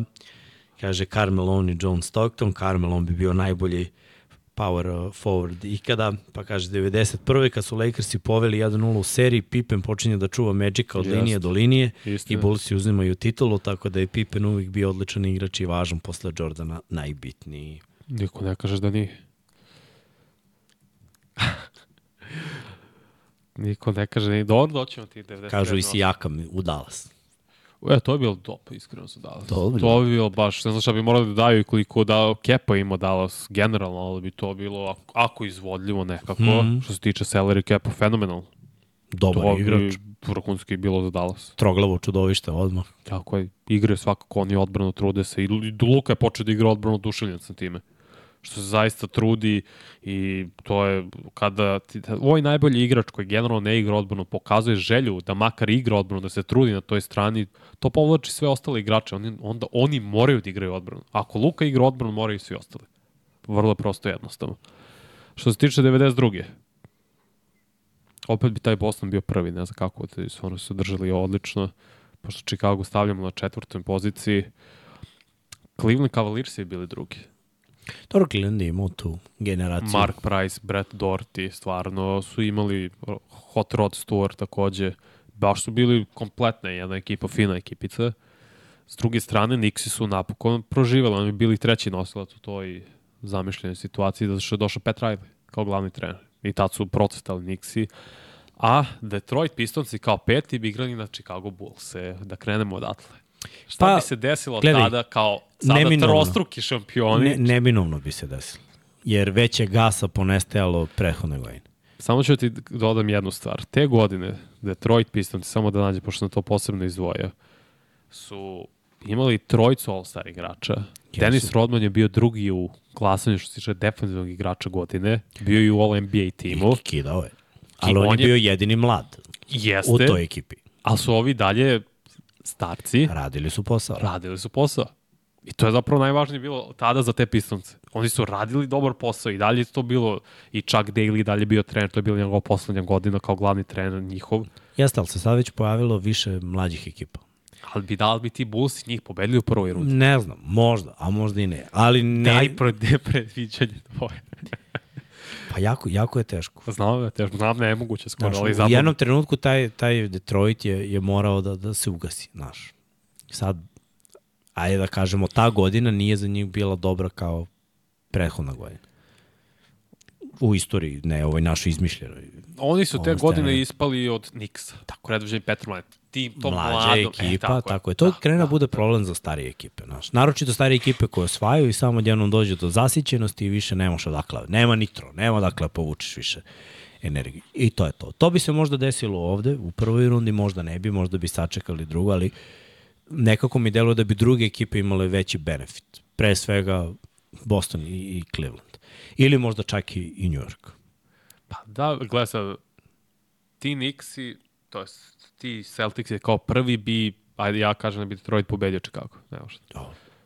Išli bi, taj Boston bi išao na ovaj Detroit. Ne nego bi Detroit došao u Boston. Ok, izvinim, on. Pistonci bi otišli u, na, u TD Garden. Dobrodošli u TD. Dobro došli, ali i ovi su opet matori. Jesu, a, I jedni i drugi su matori. Ali šta je bilo prošle godine? Mislim, ne, znaš, malo su... bi Boston malo, pobedio. mislim, da. Mislim da su... Ali opet, kažem, možda bi naginjao mlađim ekipama, jer se to i desilo na kraju u istoriji, znaš. Stariji igraju dobro, već su osvajali, samo doće do zasićenja. I pojavila se ekipa Chicago. Da se nije pojavila ekipa Chicago, pojavila bi se neka druga mlada ekipa. Vrlo verovatno da bi to bio New York, Pa da. po mom mišljenju. Pazi, Krenula je da se pojavljuje Indiana u sledećim godinama. sledećih nekoliko. Da. Da. A pazi, evo, drugi duel u drugoj rundi, drugi par bi bili Cavaliers i Nixi. Da, ja, Doherty, ja, ja dajem Nixima. Mark Price, Larry Nance i tako A. dalje, ali isto naganjem ka Nixima zbog Peta Riley-a, Patrika Ewinga, Mark Jackson je tad bio isto tu, Jeste, mla, mlada John ekipa, Starks. mlada ekipa, da, viš, ne bi imali to ono Jordan trash talkove Starksa i, i to, jer bi ovaj imao malo lakši posao. Mislim, bio je solidan igrač. No, Jeste. Nas tu Njegova priča životna je fenomenalna. naleto je na ubicu i tu je sve stalo, ali realno gledano, oni su ekipa koja bi od 91. ne bi, ali od 92. na kraju oni bi vrlo verovatno postali ta mlada, opasna ekipa sa kojom se ne treba šaliti. Jer ti to i danas imaš.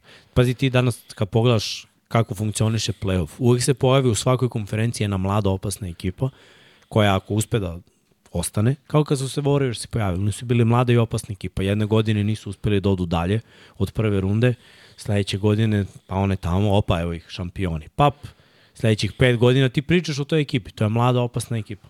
Tako je. I, I to se dešava konstantno. Sada imamo ekipe koje pretenduju da budu to, kao što su Sacramento prošle godine, kao što je Oklahoma ove godine. Minnesota. Minnesota ide na istok. Isto. Na istoku isto može vrlo lako da se desi, jer Boston je bio mlada ekipa koja se pojavila i gledaj, tu su već neko vreme. To, to je mlada ekipa koja je uspela da stigne odjednom do, do nekog uspeha i to je to. Mislim, sad mi možemo smatramo Milwaukee veteranima, ali isti taj Milwaukee je bio prvi Bio seed i ulazi da. u play kao, kao mlada ekipa. Pa danas to isto očekujemo od Indijane i isto to očekujemo od Orlanda. Starije ekipe se zasite. To, to je problem. Zato uvek treba da bude neko osveženje. I zato mislim da bi Nixi na kraju otišli čak i, i do velikog finala. Ja se slažem s tom. Ja samo mislim da bi Nixi u finalu konferencije pobedili Detroit.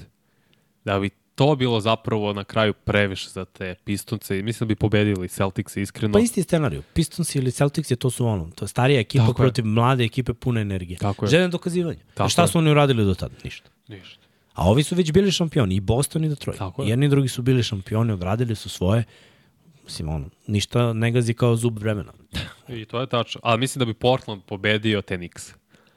Jer je taj Portland bio zreo za titulu. Oni su iz 90. izgubili mm. od Pistonca. Sad su ponovo ušli ovde u pravom svetu, su izgubili od Pulsa, opet naleteli na Jordana.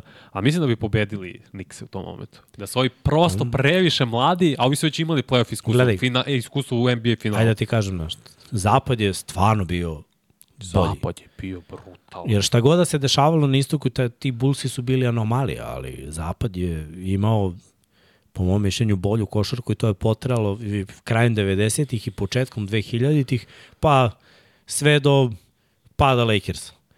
Ali opet se tad izdigao San Antonio, koji je imao svoje uspehe. Pa i onda se Warriors se Ginobili, pojavili. Ginobili kad su došli i Tony Parker. Pa pogledaj Zapad, ti si imao dinastiju Lakersa Zapad je i 20 u San Antonija u isto vreme, u, U suštini. 20 godina Zapad je meni bio, ako računamo 90. i do 2010. Znači tih 20 godina. Zapad je proizveo mnogo boljih, kompletnijih, šampionski, spremnijih timova nego istok. Pa ja bih dodao i nakon toga, jer onda smo na istoku imali Onda jednu su krenuli ekipu. super timovi. Znaš, onda se Ne, ne, napravio znam, ali- Miami, jer taj Miami osvajao je. Ne, ali kad pričamo o čitavoj jačini jedne konferencije, meni je bio zapad bolje nego čitav istok. Pa uglavnom da. I onda su se da. pojavili još jedna dinastija na zapadu, gleda čuda, sad Warriorsi. Da, super tim posle kad je došao Durant, ali opet to je dinastija koja je trajala. Jeste. I sada deluje da i možda ima dinastiju opet na zapadu, u Nagecima, ako budu osvojili još jednu titulu. Dobro, ne, to je prerano. Kažem, Prerano, možda. prerano. Mora, mora više. Možda, naravno, mora mnogo više, ali kažem, možda to postoji kao šansa. Jer oni su mi trenutno, znaš, kao, to isto kao Milwaukee, da osvoje još jednu i, brate, samo su jednu osvojili. Da, To je slična priča, jako. Mlada ekipa koja se gradila dugo i uspela da dođe do uspeha, do šampionskog prstena i sad su ono uvek u priči, u vrhu, uvek kandidati, ali ne, znaš, dve, tri, po mom mišljenju, tri je minimum za dinastiju. Ili ako osvojiš dva puta, ali mora budeš tri puta u velikom finalu. Mm -hmm. Ako se to desi da, da uradiš u četiri godine, onda možemo da pričamo o, o tome šta je dinastija. Ali u idealnom svetu dinastija je kad osvojiš tri. Onda može da se priča o tom. To, to je dinastija. A, šta onda znači, Chiefsi nisu dinastija? Ali su bili u Superbowlu manje. Pa to, to, je, e, pa to je, kako Da. graničemo, Pa, pa, osvojiš N- više NFL, od jedne, NFL je drugačiji. Zato što u NBA-u ćeš lakše da opet mnogo više uh, zavisiš u NFL-u od drugih igrača. Mnogo je više igrača, znaš. Dobro. I nije isto u NBA-u, ti ako držiš istu petorku, na primjer, ili četvorku, ti možeš, oni kao su imali Durenta, Stefa, Kleja, Draymonda, ta ekipa dve godine za redom, niti, niti će se povrediti strašno kao što možeš u američkom futbolu, niti zavisiš toliko od petog, šestog, sedmog igrača, koliko u američkom futbolu zavisiš od ofanzivne linije, defanzivne linije, drugog korena, trećeg korena, sejtija, specijalnog tima, kikera, pantera, drugog running backa, petog hvatača i tako dalje. Zato je u NFL-u kad osvojiš dva puta, a tri puta si bio u Superbolu, možeš da kažeš Dinastija. dinastija, jer je jako teško doći uopšte do dva Superbola. Da, naravno. Redko ko ponovi uopšte. A da u tri godine budeš ono, tri puta u najvećoj utakmici, to je već, wow. Kome je uspevalo to? Pa Evo, dobro. Pogledaj, vrati u nas za 20 godina. Petrioci. Niko nije bio u tri. U tri, U- u- u, tri, u tri. Četiri, četiri godine, tri Superbola. Niko nije bio. Trebalo je vremena. Bili su po dva puta, bili su dva puta uzastopno, ali niko nije bio u četiri, pet godina tri puta u Sam Superbolu. Chiefsa sada. Sem Chiefsa sada. Zato je, u NBA-u se dešava. Koliko Lebron je svake godine bio u finalu. Očisti isto kuđi u finale. Pa da. Ali nije osvajao. Znaš, ne možeš da kažeš Cavaliersi su bili dinastija, bili su u finalu. Ne, Miami je bio dinastija. Te četiri godine, četiri Dobro. finala, dve Sve stoji. titule. Ali je mnogo lakše u košarci. To hoću da kažem. Da, da, to svakako stoji. Zavisiš zato što zavisiš od... Ovamo je igrača. ukupno 12 igrača, ovamo je 50 igrača. E, jasno, jasno, to se apsolutno da slaže. ponoviš i igra se na jednu utakmicu, nije serija. Znaš, kao Da, pa će da. bolji na kraju da prevagne ovde iznenađenje, dobiješ šamar, izgubiš, vidimo se sledeće godine.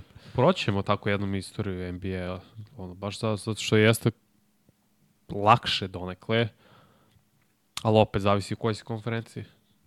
To Dobro, istok je bio uvek lakše. Jest. Ali ja mislim da, da izuzev te 91. da, da bi Zapad baš uspostavio jaku dominaciju. Chicago je održao istok, onako, zbog Jordana, da, da istok Isto, bude... se posle su se pojavljali ove ekipe, sredinom 90-ih, ti Nixi, pa Miami. Jesu, ali su naletali na zapad i bilo je ćao. Jer nije bilo rešenja. Eto ti Nixi, mislim, po, pogledaj šta se desilo. Ajde, možemo imamo dalje. Ajde, Evo, 93.. 93. Nixi su bili prvi seed. Bez da ja A. pomeram Chicago Bullsa koji su bili drugi. Chicago ćemo opet staviti Jer na gledaj, Nik, četvrtu. Nixima, Nixi nisu znali da reše Bulls. I čim, čim Jordan nije igrao, oni su već 90. Ne, ovde je igrao. 93. ne, ne, ne, igrao. nego kažem, Aha. čim nije igrao u stvarnosti, mislim nama sad u ovom scenariju, on nije igrao uopšte. Ali čim nije igrao u stvarnosti, Nixi su otišli dalje, jel tako? Ja su otišli do finala i izgubili od Hakima. Izgubili, tako je. Da, I to bi se desilo isto i 93. Nixi prvi kao prvi, oni idu dalje, pobedili su Indijanu. To je nema, što je bio prvi njihov susret u Ali se. Indijana rodila. Tad se Indijan rodil. Boston, koji je jedan bez većine igrača i dalje četvrti nosilac, bio bi treći u ovoj situaciji. Četvrti bi bili Bulls igrali protiv Charlotte Hornets, koji su tada bili mladi ludi. Ali su bili još mnogo mladi, još mlađi lju, i l, još luđi nego što ljudi misle, jer tad je bio Alonzo Mourning Lovailija, tad je bio Larry Johnson, tad je bio Maxi Bogues, tad je bio Del Curry. Oni su baš imali veoma dobru ekipu. Glenn Rice. Glenn Rice, e nije bio Glenn Rice, mislim. Nije bio te, bio... Nije, Glenn 95. Rice bio u Miami tada i dalje. Da. Došao je posle. Došao posle. Došao došao je posle. A svako bi imali igrače kad ti vidiš Del Curry daje 15 poena, Larry Johnson 22 poena, stvarno su imali kompletnu ekipu i vrlo zabavno zgledati. Da, ali pocenjuješ, brate, veličinu Chicago. Dobre to bila ekipa. Dobro, ja nisam rekao bi pobedili, ja sam kaže bilo veoma Da. mega zabavno gledati to. Opet sve, sve bi se svelo na kraju da... Taj Charlotte je te godine izbacio Boston. da. Dobro, Bo, Boston je pojelo vreme. Da, I ni, oni se nisu vratili vanja do... Trebalo je... Od tada je, po mom mišljenju, 20 godina bio nepremostiv jaz. Oni su imali, ne, ono, bili u da play-off kažeš, pričici sa Ne. Pearsom. Ne, ulazili su oni u play-off. do, ali to je sve bilo, ono, ništa. Nisu bili Imali u... su, on, i Walker i Pierce, kad su Tako bili je, u tako ekipi, je, da. nisi mogu očekuješ nikakav uspeh. Ne, nisi Sve očekivao dok se nije sklopila posle je, tako ekipa, je. kraj, ono, da kažeš, znači do 2000-te, Do 2008. 2005. 6. Osma kad njih otpišeš. Da, da. Oni uopšte nisu bili relevant. To je Ne, to. slažem Imali su šampionsku generaciju i to se završilo.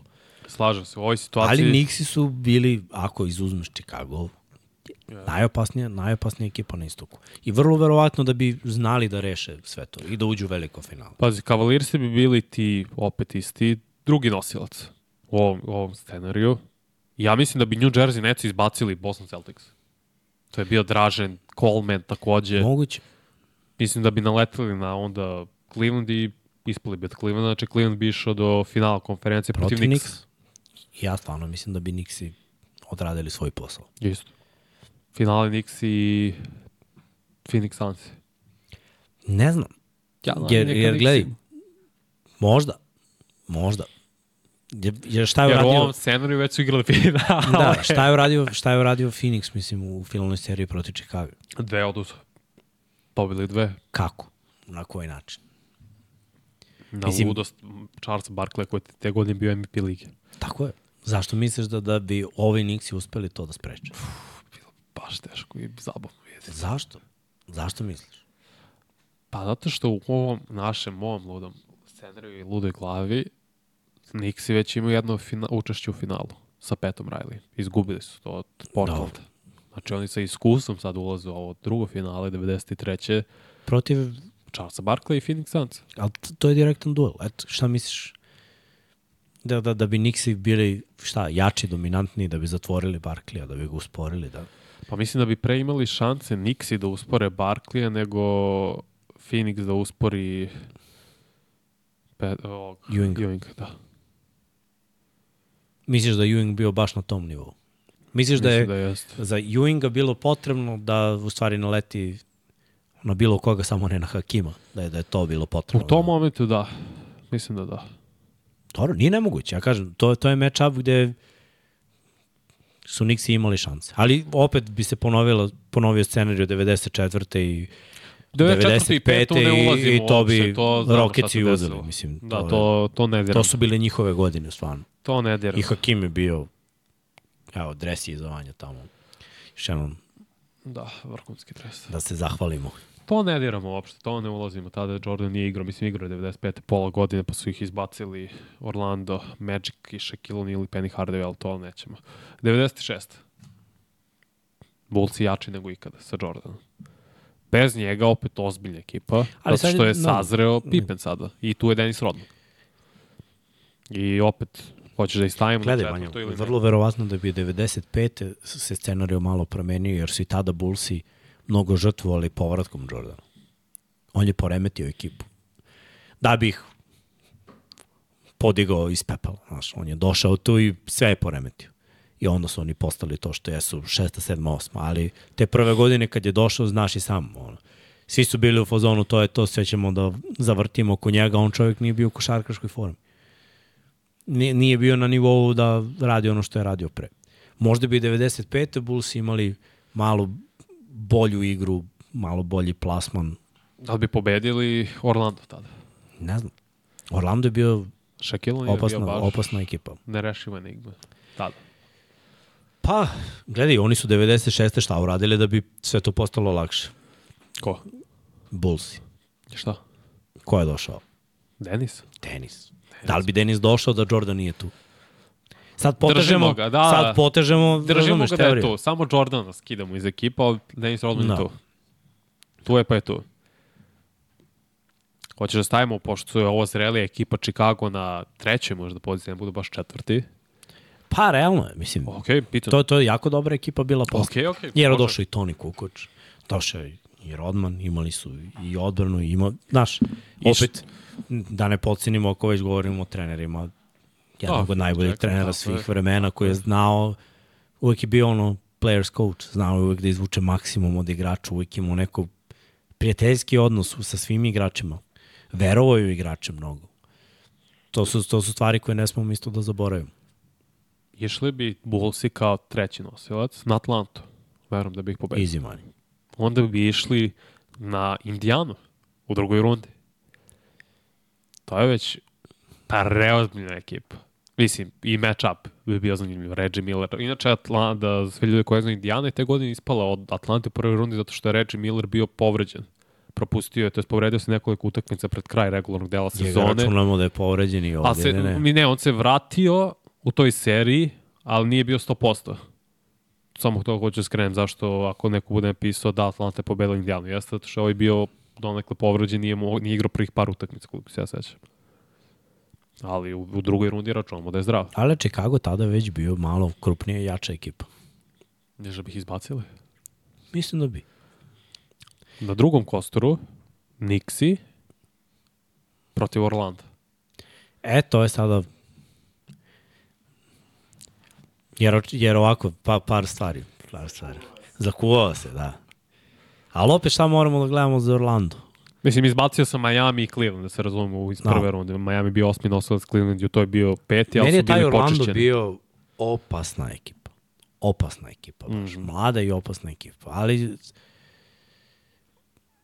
tad sam kao klinac verovao dosta u njih. Jer je bilo zanimljivo. Ja Penija sam obožavao uvek. Penny je Da. meni jedan od onih idealnih pleva, kako sam ja to zamišljao u ono vreme dok sam odrastao. Šek kao šek. Znali smo da je nebo granica za njega. Bilo bi napeto. Bilo mi napeto. Ja sam uvijek mnogo verovao u te Nikse. Oni nikad nisu pokazali ni približno ono što sam ja verovao. Pa ni ova generacija, pa ni ona kasnije posle 2000-ih. No, kad su sam nekako ih- ušli u finale. Uvek sam ih smatrao opasnom ekipom, uvek ono su u mojoj glavi bili wow, a zapravo oni od uspeha nemaju ništa. U ovoj tri decenije ove koliko ja živim. Dobro, mo, ali pratim. moraš da razmišljaš na ovaj način. U ovom scenariju oni su 92. treće i četvrte Dobro, Igrali imaju samo pouzdanje, da. Igrali Ali dolaze mlađi, svoje. luđi i željni, koji su isto bili u finalu pre finalu. toga. Pa, znači imamo zapravo duel dve... Iz velike ljubavi prema Peniju Hardevu ja bih rekao Orlando. Okay. To je zato što ja stvarno mislim, pričali smo o tome, šta bi bilo kad bi bilo koji igrači bi odradili brutalne stvari da se nisu povredili. U meni u top 5 ikada, od kad ja pratim, a to su eto te posljednje Aha. tri decenije, je Penny. Ja mislim da bi Penny bio u konverzaciji za jednog od daj najboljih na- playmakera Samo da... Eh, ikada. daj kadar na... Da, va- da se ne vidi kako Vanja ovde Da, šta ne uvudiš. preživi. Preživi. Ma daj lagano. Mislim, on, Tracy McGrady, Derrick Rose, Grant Hill, to su igrači koliko... Brandon Roy. Pa, rat. Znaš, ovi su mi u to, od top 5 četvorica. Da, da. To su igrači za koje ja stvarno mislim da, da bi napravili neku čudu u ligi. Čekaj, onda bi finale istoka bilo po tebi, Bullsi protiv Orlanda. Da, I da li ih opet Orlando izbacuje kao 95. pa vrlo verovatno. Jer mislim, Jordan je rešavao utekmicu. Bez njega ja ne znam ko bi rešavao. Inače, to se i stvarnom životu desilo da te godine su Bullsi i Orlando igrali finale i Chicago je počistio. Znam. Ali nije bilo rešenja za Michaela, Tako koji je. je došao sa planete Krypton, a niko nije imao Kryptonit. Iako je Šek istetovirao Supermana, samo jedan Superman je bio tu na terenu. Dobro, znači Bez Orlando... njega je druga priča, znaš. Jer opet bili su mnogo neiskusni. Orlando je bio mlada ekipa. Jeste. neiskusni i žurali, žurili su, srljali su. A Bulls, šta se desilo u stvarnosti? Bulls su već imali tri šampionata i onda su drugi krenuli da pobeđuju i to je bio kompleks nad kompleksima i oni su odigrali najsigurnije, najbolje, najjače, najžustrije, najnapaljenije. Sve što je naj, to je bilo za Bulls. Nisu ima, Orlando nije imao šanse. To, to i Šek je pričao, isto pričali su i oni Penny, ono, bili smo mladi. Mislili smo, ono, to je to, dovoljno smo dobri. Nisu radili na tome da budu još bolji. Ali, možda bi se desilo da ovako. Mada opet nije nemoguće ni Bullsi da uđu bez Jordana u veliko finalu. Ja naginjem kao Orlando samo mi... Ali mogu ti kažem samo jednu stvar. Da Jordan nije igrao, Utah bi imala prst. Čekaj, doćemo ti, ko, to je 7-8, jer finale 96. sa zapada je bio Seattle. Svih, ovaj, Da, Supersonics. Supersonics. Koje sam ja isto obožavao. Orlando ili sada Supersonics. Seattle. Znači, Shaq i Payne nema ni jednu titulu, ne mogu da uzmu. Pa mogu. Pa Mislim, nema. imaju i sledeću godinu. Nemaju. Shaq Šta nap-? Shaq napušta. Napad ide u Lakers. Tako je. Što ide u Lakers ako su bili dva puta u finalu? To su sve za... Viš koliko otvaraš Pandorinu kutiju. Jeste, znam. Ako su oni bili dva puta u finalu za redom, neće Šek da ode. Pa dobro, oni su i bili dva puta u finalu konferencije. Ali dva puta u velikom finalu. To je druga stvar, neće da ga pustiš. Bili su, mislim, finale, NBA finale, finale konferencije i onda je otišao. Znam, ali dva velika finale i dva puta za malo. Pritom, ovaj duel sa Supersonicsima, šta donosi?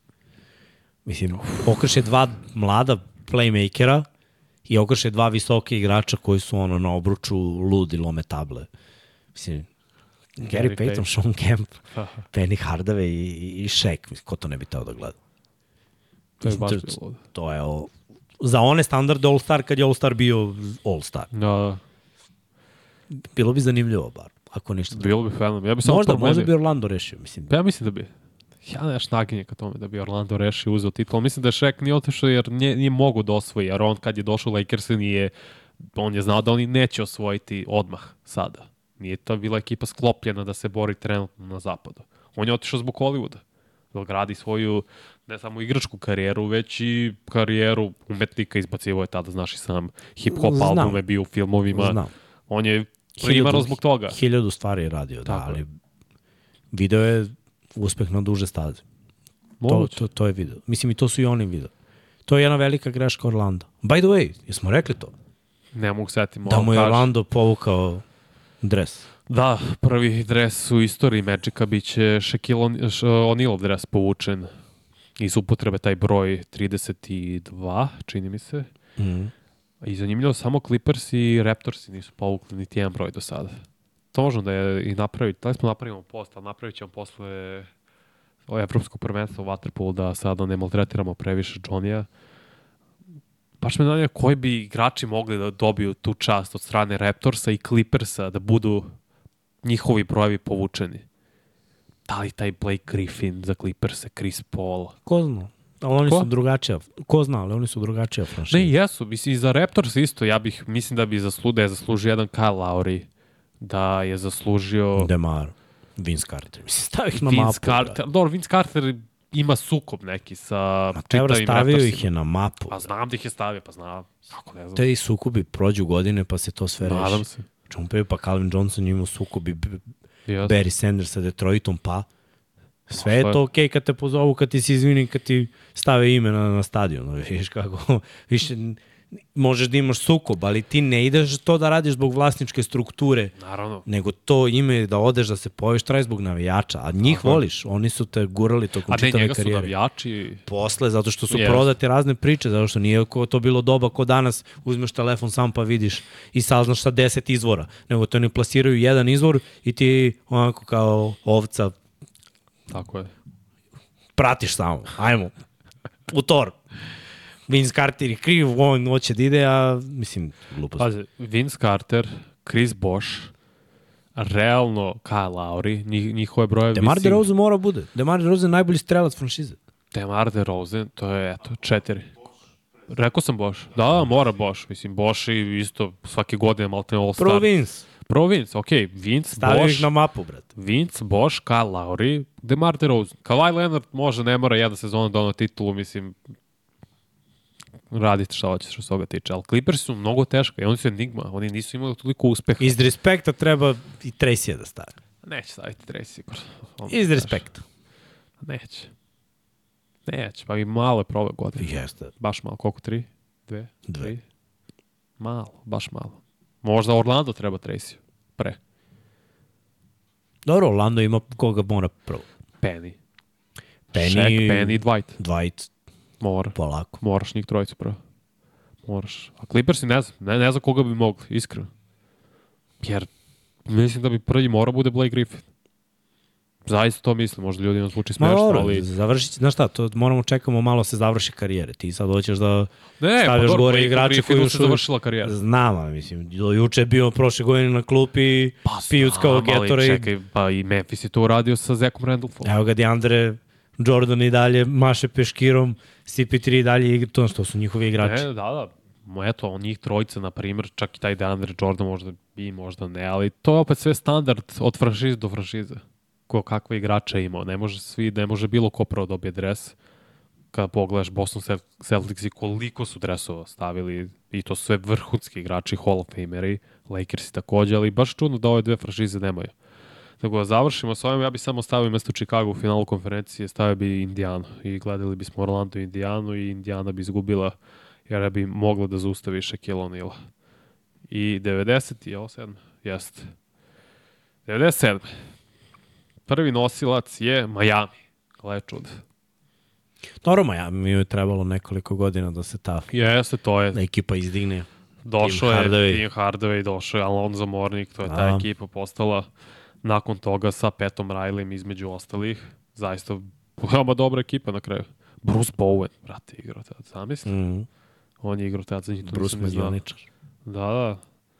Tako da su imali Mark Strickland takođe jednu veoma zanimljivu ekipu. Sam da mi ovo, evo ga. A drugi nosilac bi bili New York Knicks. Gle čuda. Treći ćemo dalje ostaviti Chicago Bulls i četvrti su Atlanta Hawksi. Mislim da to Dikembe, čini mi se, ta era Hawks. Ispravim ako greš. Znam, Dikembe tek posle došao. u- Da je u- Filu da, 2000. da. I šta bi se desilo? Da li bi onda ostalo Chicago, uh, pardon, Miami protiv Atlante u, prvo, u drugoj rundi, a Knicksi protiv Bulls. Pa vrlo verovatno. Ako je Šek otišao. Ako sve radiš isto, samo da nema Šek je Jordana. otišao. Pošto je Dennis Rodman došao, Šek je otišao. No.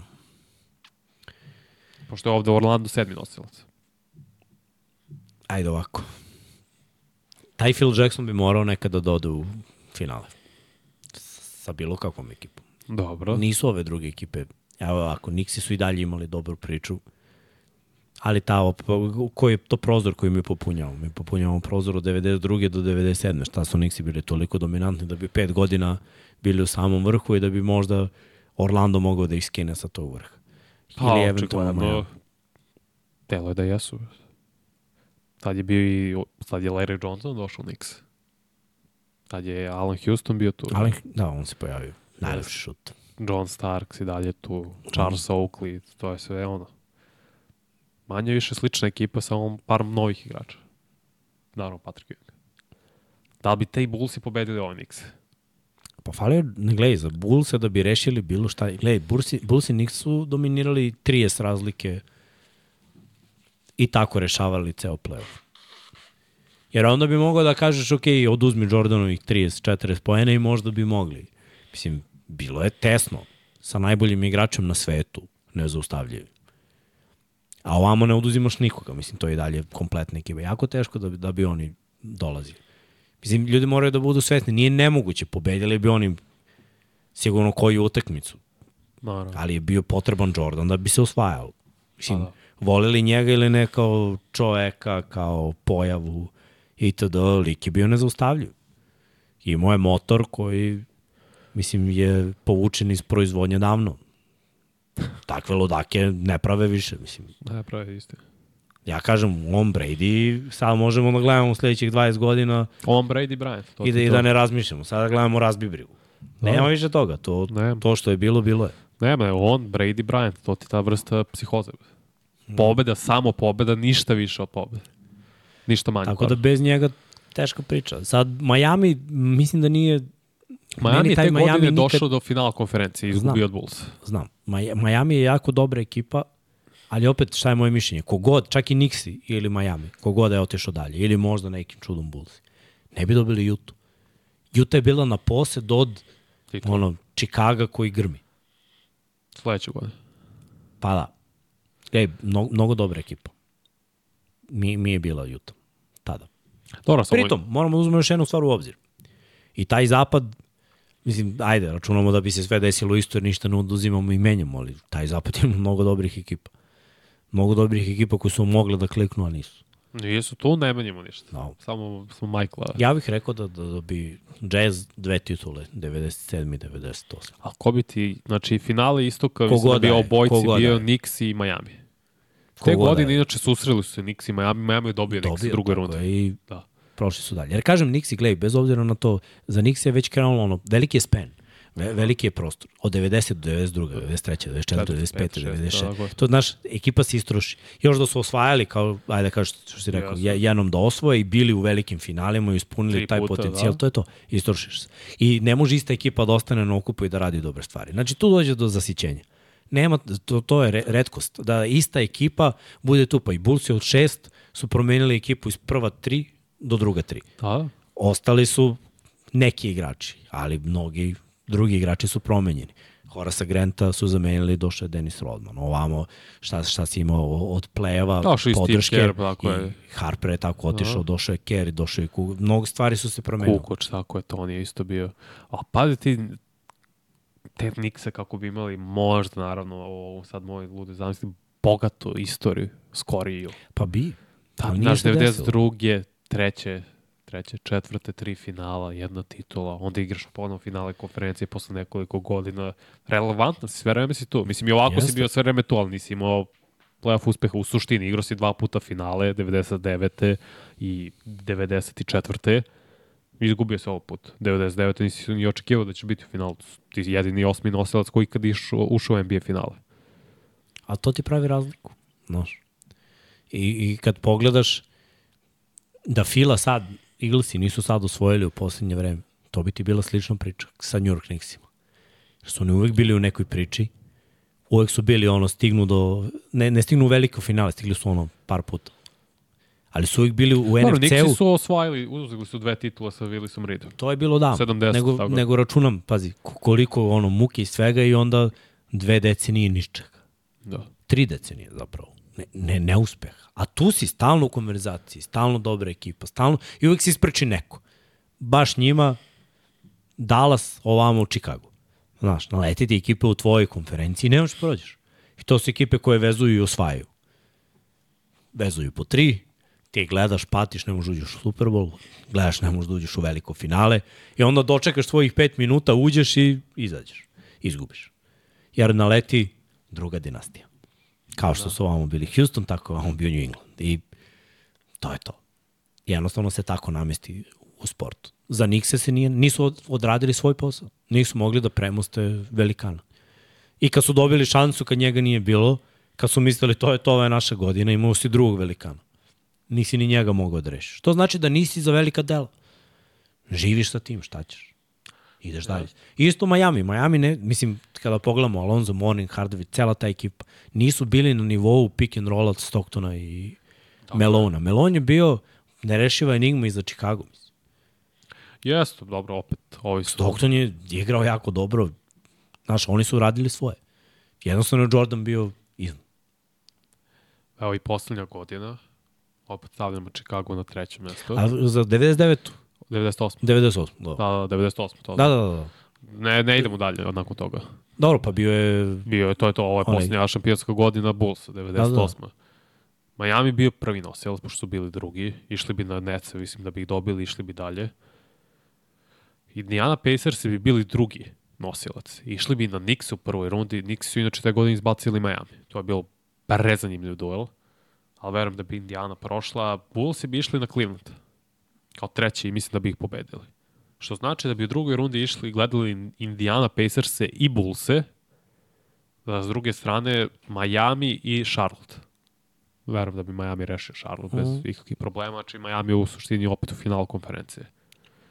Meni Indiana bila zanimljiva ekipa. To.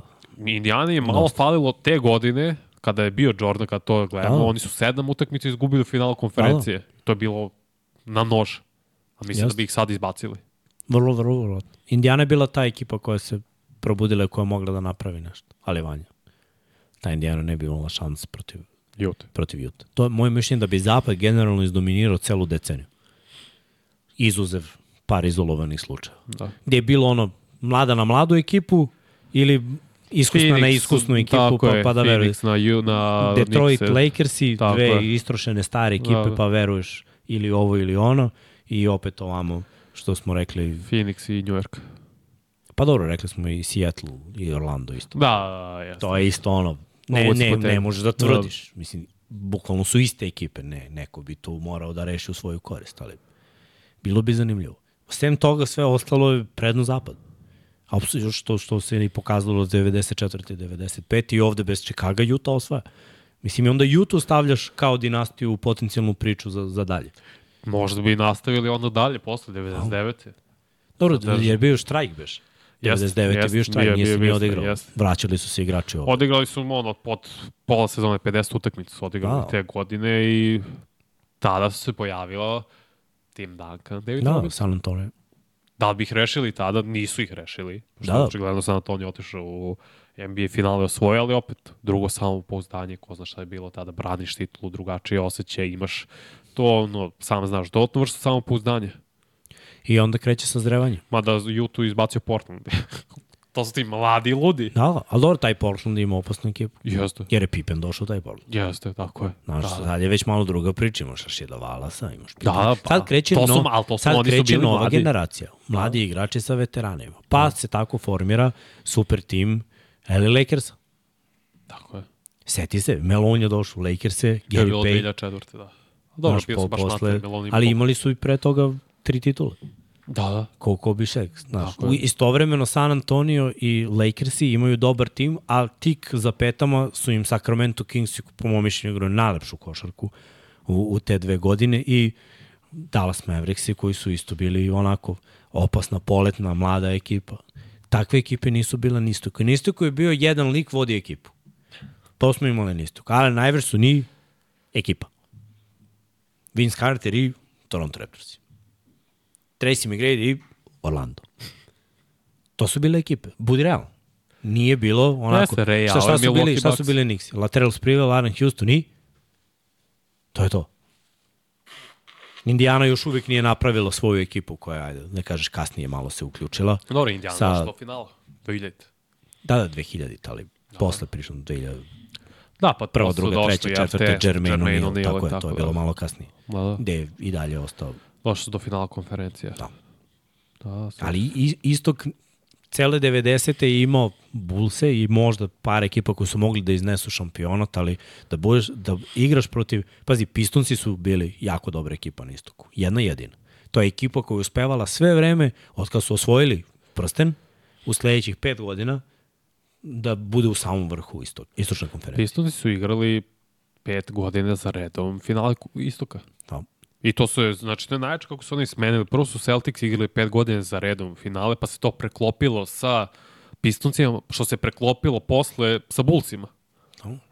I to ti imaš tri dinastije u suštini u razmoku od koliko je to, ajde da kažemo, 10 godina. Jer ajde ovako, od Dominiraju. povlačenja Jordana do pojave Lebrona Jamesa, Dobro. Zapad. zapad. Samo zapad. Imao si Pistonce Jer niš, 2004. tu ne moramo ništa da pričamo hipotetički, to se desilo. Znači, Neci su imali pojavljivanje u finalu, Dve godine, dođu, tako je. izađu, jer ih reše Lakers. Jednom je bila Filadelfija i onda je Detroit Dobro, odradio svoje. i Sparsi su rešili isto te nece Da. sa Jasonom Kiddom 2003. godine. Desilo se Wade Shack. Onda 2008. super tim Bostona. Dobro, to je već malo, to je pojavio se LeBron. Kad se pojavio LeBron, desile su se promene. Zato što se s LeBronom pojavio i Melo, pojavio se i Wade, Da. znaš, krenulo, krenulo su neke nove zvezde, neke nove priče i krenulo je ujedinjenje. To, je- to je postala priča o Avengersi u, u NBA-u. Dobro, znači da sumiramo. Suma sumaru. U suštini, Pistonci onda imaju četiri, četiri NBA finala, tri titule. Četiri, Nixi su igrali finale 92. treće, četvrte, znači tri godine za redom jednu titulu. Imaju. Orlando, dve Orlando godine za ili Seattle redom. bi imali jednu titulu. Tako je. Šta god da se desi, ajde da kažem. Šta god, imali bi oni. Neko od njih ko Tako nema je. titulu ima bi jednu titulu. Oni bi, Orlando, samo pričam da isto, Orlando bi je vezao te dve godine, pete, šeste, finale, sedme, osme, Miami, mislim da je sedme, nije ni važno, koji ili Nixi, opet nevažno, zavisi, mislimo da, ili kogod od njih dvojice, o, te dve ekipe zapravo, letili bi na. I Na Utah, Utah. Bi imala dve titule. I tako, i Pacers bi isto na 98. vrlo vjerojatno naleteli na Utah. I Utah bi opet odbranila svoj tron. Da. A onda od nadalje, do pojave Lebrona, sve bi bilo isto. Pa da. Manje više. Posle ćemo raditi ne neki drugi put. Lebronov istok. Ali zabavno ja ste ovo baš ono.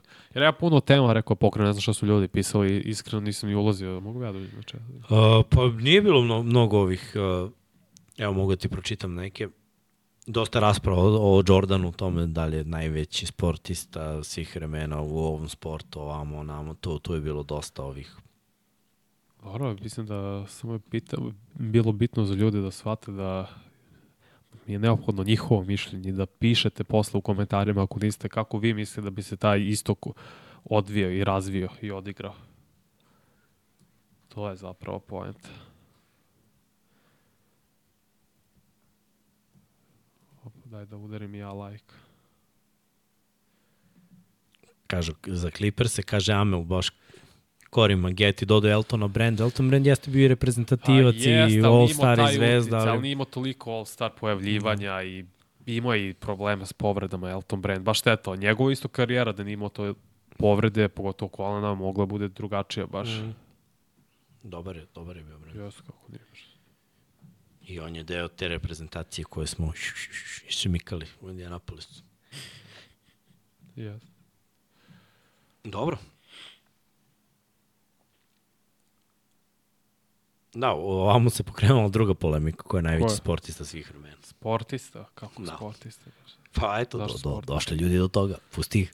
Dobro, neka ih sam pitam, zašto sportista? Ko je po tebi najveći sportista svih vremena? Koliko je to teško pitanje? A? Nas nema Da li to zahteva samo dominaciju?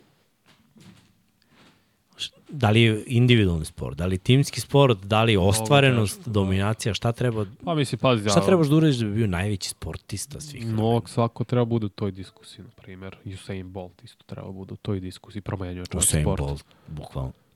Mislim, Naj, Novak, najzabavniji sprinter svih vremena.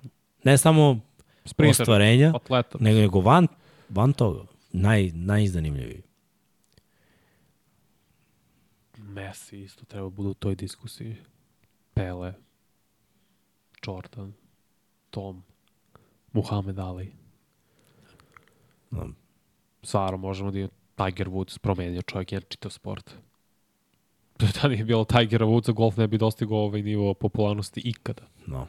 Sad je čovjek završio svoj, svoje sponzorstvo sa Nike-om posle koliko, 27, Ali 28 složit ću se godina. ovako, skoro svako ima konkurenta sa sličnim rezimeom. Tako uzmeš košarku, sa kim god da povredeš Jordana ima sličan rezime. Mislim, nema toliko možda dobar i 100% efikasan, ali ima sličan. Da uzmeš Bila Rasela, ima veliki broj titula, kao i Jordan, da uzmeš Lebrona, pojavljivo se u finalima, igra dugo, promenio je neke stvari, uzmeš Kobe-a. No, znaš, sličnije. Ko je pandan Tomu? Tom nema pandan, brate. Brady je institucija.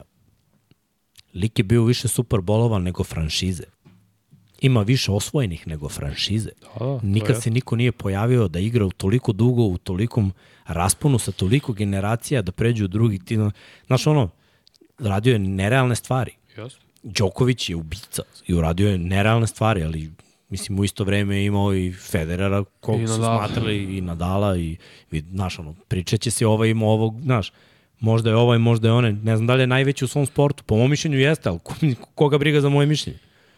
Ko što je meni Jordan najbolji, to je moje mišljenje, a tebi možda bude neko drugi. Da. Ili nekom trećem može da bude. Pa i ali čak, čak i Tiger Woods, imao je Jack Nicklaus, imao je Arnolda Palmera, Phil Mickelson. futbaleri, donekle. imaš ih, znaš, svako ima sada svoje suđenje, ali ti kad pogledaš NFL, niko nije uradio ni približno koliko tom. Pa da. Krenuo od franšize, iz franšize koja je bila krš. Užas. Napravio najjaču franšizu svih vremena. Ovo je uz Bill Belichick. Sve stoji. Ali mislim, svi ovi veliki igrači imali su velike trenere u timskim sportovima oko sebe. Zar ne? Ispravim ako grešim, ali taj isti Jordan ima Phila Jacksona, posjeti me koliko Phil Jackson ima prstenja. Koliko hoćeš. 11. Znaš, Dobri, dve u timskom, u, kao u igra. timskom sportu ide i dobar trener.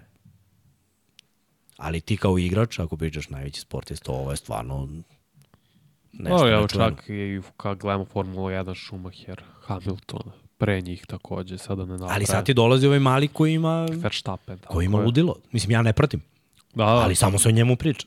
Jest. Što znači da će vrlo verovatno ući u neku konverzaciju. Vanja, niko nikad neće ući u konverzaciju. Dobro, pazi, tom. ako ćemo tako, Jer je možda ovo- Patrick Mahomes uđe u tu konverzaciju. Brate, Možda. vidjet ću. Evo već ove Mislim, godine. super je krenuo, ali... Da, a već ove godine frka. Dobro, i imalo Znaš, je ja mu i u želim da igra. Tomovoj karijeri bilo je ono, Ja- ja mu želim- sedme, do kad, izvini, ne od sedme, od osme, 2008. do koje, kad su igrali nakon toga fin, a, Super Bowl 2014. 11. Protiv Giants. izvini, od 8. do 14. je bio jedan Super Bowl protiv, protiv Bilo, Giants. brate, Ne, sve stoji, samo... konkurencija, Jeste, pa dobro i ovde. ne toliko. Njegova konkurencija su bili Hall of Fame igrači. Ova danas konkurencija nisu Hall of Fame igrači. Potencijalno jedan. Nije možda da. Ali budi realan. Budi realan. Nije, nije baš tako. Ovamo su ti Peyton Manning, Big Ben. Ray Lewis, brate.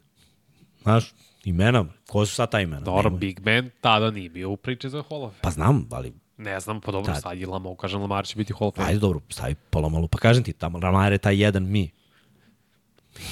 jako, je, jako je lakše sada.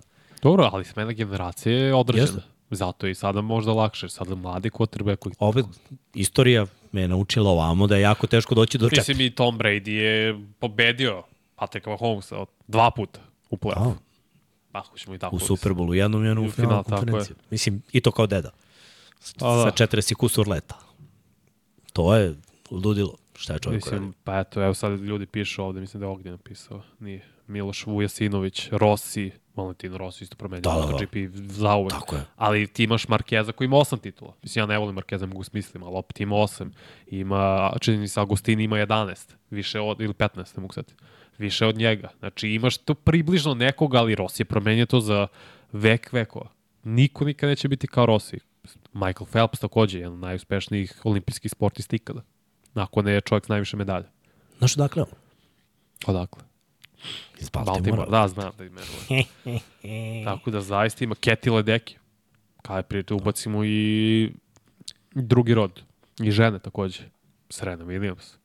Keti Ledeki, između ostalih. Mislim, stvarno ima isto vrhunskih. Ima i futbalerke, ne, ne znam sada ime. Da, To ne kažem, da za te istražim. takve sportove, jako pet i za futbalere, toliko je vrhunskih da kako možeš da izdvojiš ko je najbolji. Niko se nije toliko izdvojio jer su mnogi bili veliki. Dobro, dvojica jesu. Messi i Ronaldo su izdvojili u ovoj 15 eri, godina. u ovoj eri. Ok, ali Ne, meni nisu bolji, meni nisu bolji od one ere koju sam ja gledao, iskreno. Pa nemo, kaže, stvarno Messi. I, i Gledaj, Ronaldo. sav respekt, sav respekt. Ali zamislim, po Za najbolji što si su 15 radili. godina. Si, njih dvojice su na vrhu jednog sporta. Tako je, zašto su i ostali loši u to njih. Da, nisu loši. Da li bi bili najbolji 15 godina u eri Zinedina Zidana, mađioničara s loptom, u eri, znaš, uh, Messi je bio iza Ronaldinja. U istoj ekipi. klinac, pa dobro, ima 16 Sve godina. znam, nego ti kažem da, da naš konkurencija je jednostavno postala takva da su oni mnogo dominantniji. Mislim, što je dobro. S jedne strane, video si neke druge stvari. Ali opet je bilo velikih imena i pre, velikih igrača i pre koji, koje moraš da ubaciš. Moraš da ih ubaciš u konverzaciju. Ne možeš da se zalepiš za ovo jer rezime je sličan. Kapiraš? Ovde, ne, ovde ja znam samo možda dva sporta gde i Bolt koji je iskidao, taj rezime smo već videli. Da li smo ga videli na hemiji ili na čemu, mislim, videli smo ga. On je samo oborio neke svetske rekorde. Ali to isto kao i plivanje. Sve se pojavljuju bolji i brži. I vrlo verovatno da, da će doći do toga. A i pre njega je bilo ljude koji su se pojavljivali na tri, tri puta na olimpijskim igrama i osvajali. Pobediš ovo, ovo, ovo ovo. Dobro, niko nije od sprintaša osvojio, zar ne? Niko nije na ovaj način.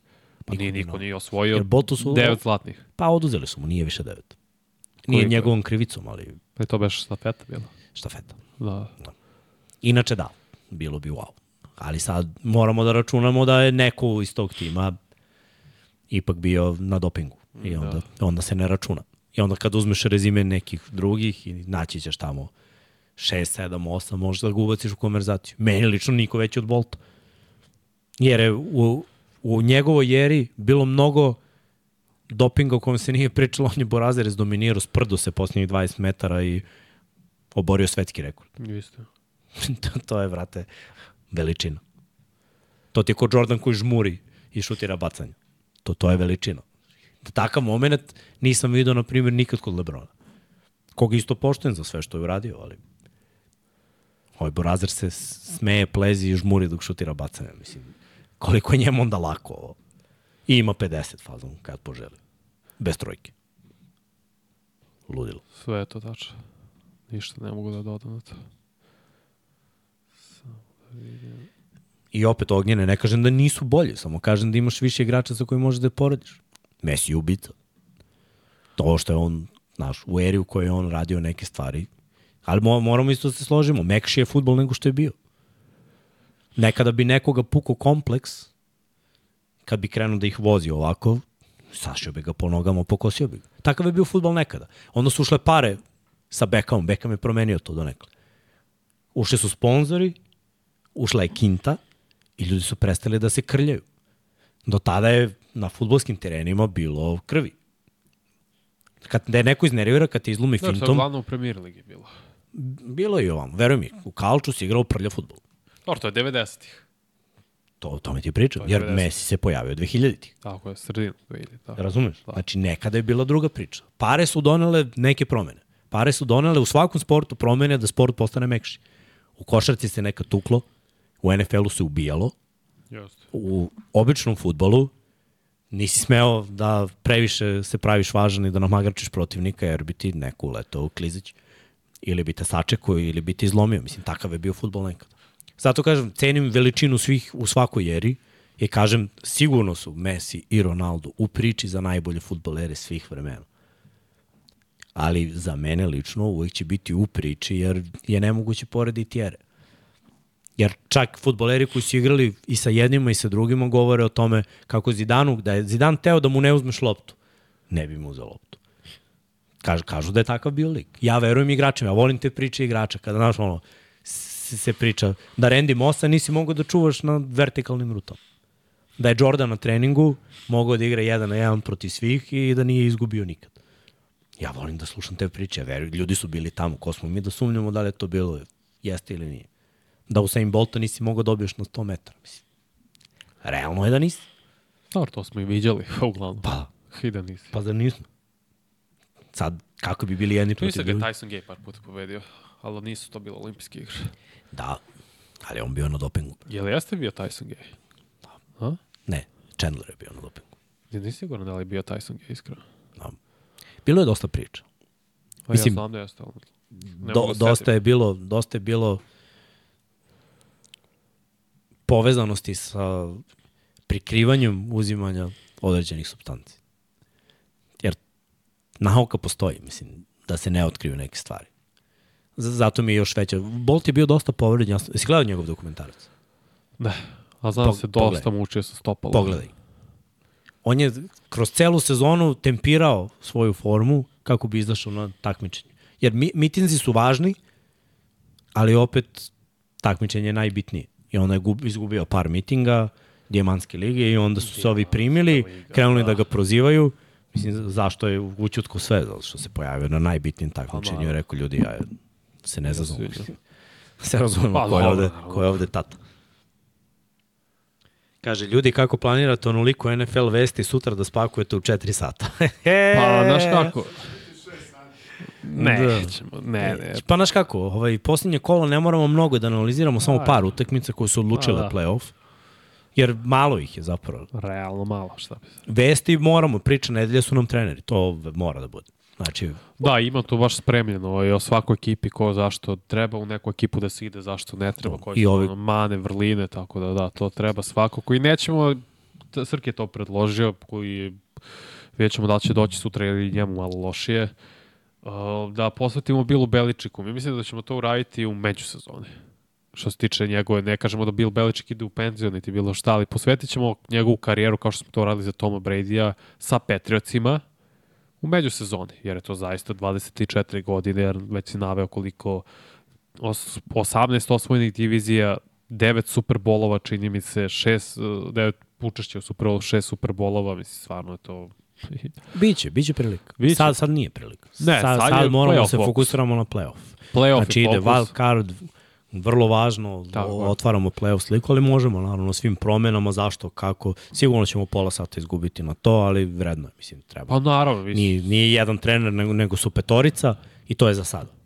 A ukupno je sve sedam trenera koji su promenili sredinu za ovu sezonu, što nije mala stvar, a neke promene su tektonske, što, kao što kažeš, ono, treneri koji su osvajali Super Bowl, dvojicu ih imamo koji su Tako je. otešli dalje. To, I Mike Vrabel otišao i on, ok, ja ću izdvojiti par minuta za Nika Sabana, jer baš I se treba, menja da. college football. I to ne sviđa, mislim da ne na dobro se menja. I Pa on je uočio po, o, tu promenu i rekao, Tako ja neću da učestvujem. o tome ti pričam, ali to ti ja pričam sve vreme. Ne potrebno. To, to će sve postati liga bez briga.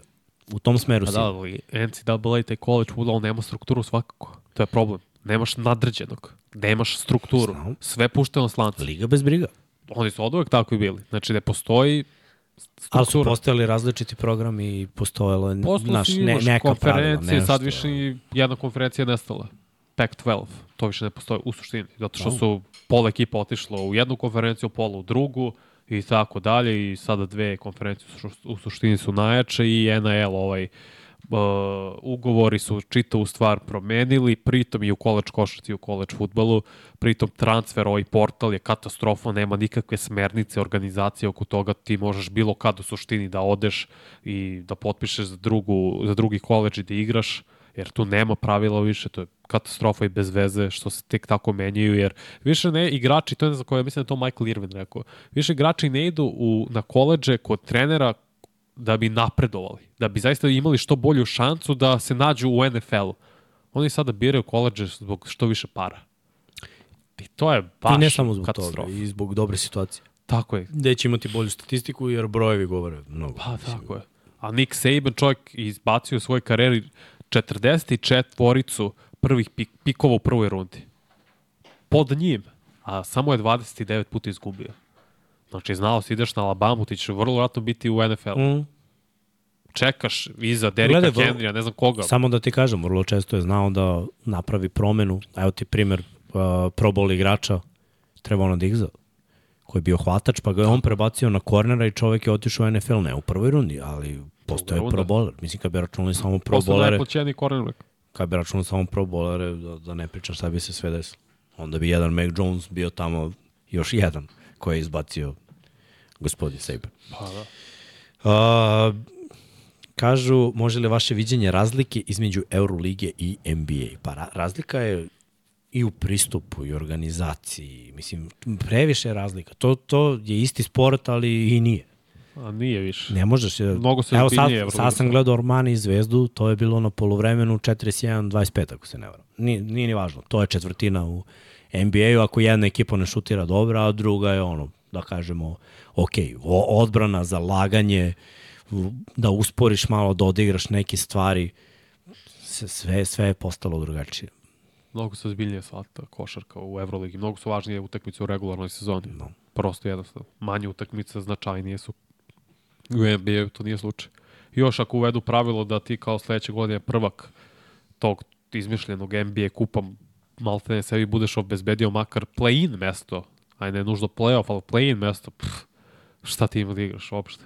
Možda bleješ maltene, kao pa šta, bit ću između 10. do 7. svakako, a, lak posao, odradim sedam jakih utakmica i to je to. Ne idu u dolnom smeru NBA, to je problem.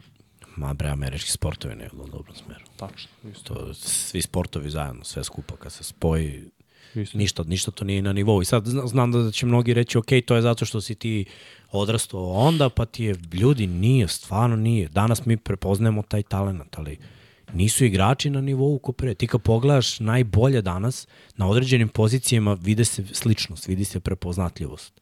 I možeš da povežeš, ali na, na drugim nekim pozicijama nema ni blizu onoga što je bilo nekada. Ne zato što je meni draži Ray Lewis od bilo kog linebackera danas, ali nema takvih ljudi. Nema Eda Rida u današnjem NFL-u. Nema ih. Pa, zato što im nije, nije, im dozvoljeno da budu. I pravila su takva. Ja mislim da je talent donekle i tu. Možda ne elitni, na, onaj talent na samom vrhuncu, jer su to generacijski talenti. Ima ih i sada, možda... Ima, na nekim pozicijama. Na nekim, ali da. na nekim pozicijama. Jer ti ćeš danas uvek naći nekoliko... Edge rusher, isto ko što Nikad je bilo vrednije. nekad, naći ćeš i danas. Možda nije na nivou uh, Regija White-a, ali TJ Watt, Miles Garrett, bit će u priči i dalje, i dalje su tu. To, to su pozicije gde vidiš, ok, ovi su veliki, mogu da se porede. Bolji je onaj, jer mu statistika govori da je bolji, dominirao je, ali ovi su tu rame uz rame. Dobri su. I mo možemo da kažemo, ovaj, ne znam, uzmeš danas nekog hvatača i kažeš, može da se ubaci u konverzaciju Taj sa Jerryjem da Ra- bolji nikad nisu bili. Zato što je evolucija sporta uticala na to da budu bolji. Running ali- backovi nikad gori. Mislim, dobro, preterujem. Stvarno ja ima Christian McCaffrey, imaš Derika Henry, Nika Čaba, ali Imaš nije to vrhunske- Ladainian Tomlinson, nije to makar jednu godinu Sean Alexander, a Adrian Peterson Nije. i tako dalje. Moraju, glej, mora još mnogo da se radi da, da bi se došlo do tog nivoa. Ali, ajde da kažemo da je i tu donekle. Ali mnoge pozicije nisu tu. Mnoge pozicije nisu tu. Za košarku isto. Ni, ili za, za futbol, ili za bio, mislim, ono, hvala Bogu, volim sve sportove, pa volim da pratim.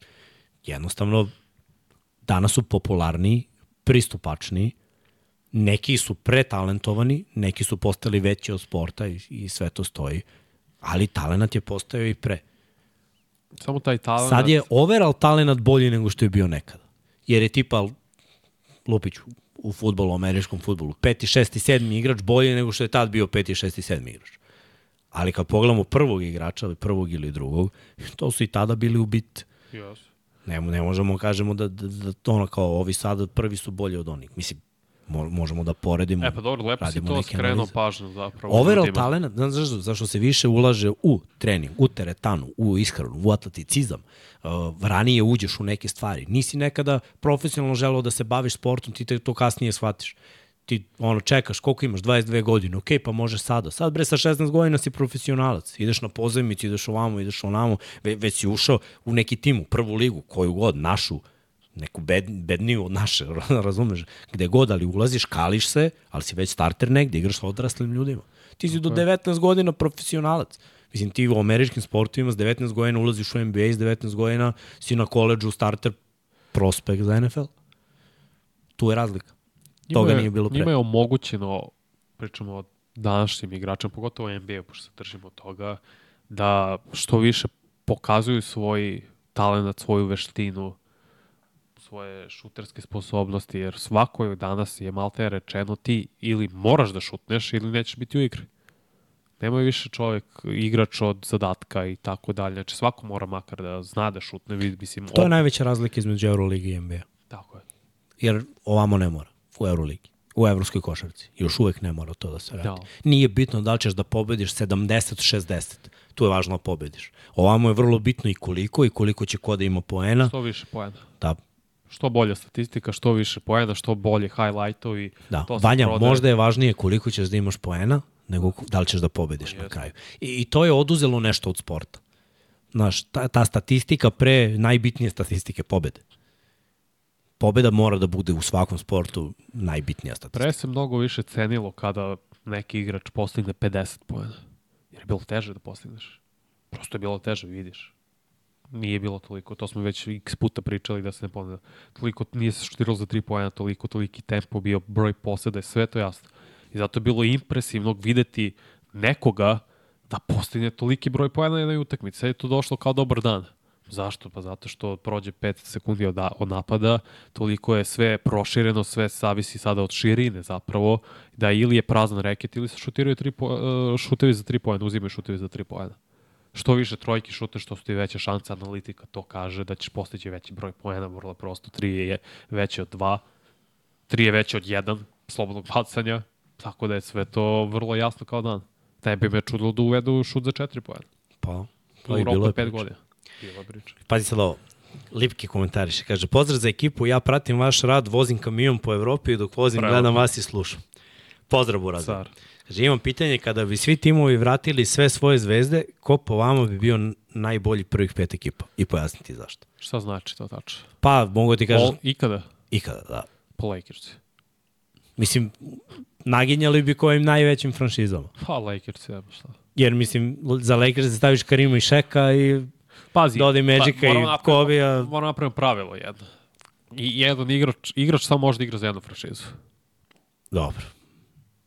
Da bi bilo, ajde kažemo, Pa Orlando nećemo ubacimo u konverzaciju tako da je Šek u pa Šek je najviše proveo godinu u Lakersima, 8. Pa znam, ali kažem, nećemo, šta Karima ćeš staviš u Milwaukee, nećeš. Biće u Lakersima isto. Te ga više pamtiš. Gde ćeš Lebrona staviti? U Cleveland. Ne, neću ga staviti u Lakers. Ne u Lakers, neću sigurno ga Da. staviti. Ali mislim, opet kažem, Magic, Kobe, Karimi i Shaq ve, Worthy. već je, Ha, već je nerealno. Ko može tu? Boston može tu da parira, Boston. možda. Donekle. To je Larry, ptica. E, vidiš, da bi Garneta stavio? Da bi u Minnesota ili u, u Boston. Pa dobro, ajde. Boston je povukao njegov broj, inače. Može, može da ide u Boston. Jer, Ali- znaš zašto, Minnesota ne bi uzeli uopšte konverzaciju za ono. Da, a Mine- znaš da Minnesota nije povukla Garnetov broj iz upotrebe. Pa, dobro. I tu postoji loša krv. Mislim što je debil od strane Minnesota, je čovjek bio MVP ili jedini MVP ligi koji su oni imali, držao ih relevantnim deceniju, malte ne, ali dobro. Tako da Boston, možda Chicago, oh, ali da, Golden State, imamo zanimljivo priča, ali opet Debbie Durant Mo, bio. brate, nema to s Lakersima. Lakers, znam kako. To su ti power timovi. No. Možemo, da uključit ćemo sledeći put Sony, imaš lepo all-time timovi, Da, da, da. NBA 2K, koji god daje, mislim imamo 23, ne znam. Oni sa Lukinom. Da, to je pre Bryantovog, jel da? I da, imao 23-ku. Može. Kupit ćemo najnovi. Pa dobro, i to nam je staro. Šta je to? 22. 22, je to Luka. Moram kupiti novi. 22. Moram kupiti nove. Kupit ćemo nove. Sve u svemu, mislim možda i taj ima, ne mogu sad. Sve u svemu, le, lako ćemo mi videti ko je gde, šta, kako. Što se tiče igrača i to je to. Verujemo igrici na kraju. Pa na- u najgoru slučaju, ako ne kupim igricu, napravit ću u Google Sheetu tabelu, izvući ću koji su najbolji igrači iz svake franšize i eto, tako ćemo vidjeti petorke. da, kaže Lipki igrač koji je igrao najviše za ekipu, tamo ide. Ali to je nezgodno, zato što Pa, za, pazi, te gde, franšize, gde te, najviše, pa, gde je on uh, ostvario najveći učinak u svojoj karijeri, gde je ostao najupečatljiviji. I to treba da se uzme u obzir. Da, bi, ja bi zadržao Durenta u Oklahoma, na primjer. Zadržao bih... pa ne- dobro, krenuo da se šeta posle Oklahoma. Jeste. Oklahoma je bio najduže, ali Shaq je bio u Lakersima. Najviše, Tako, je. da ostaje tu, mislim. Da, da. Ima tih igrača. Teško bi bilo Lakers rešiti. No, I Lakers suviše je jaka franšiza, star power. Ali ne možda ih. Jako Pa nismo teško. ni računali. Ti Gde, za- gde bi Wilta stavio?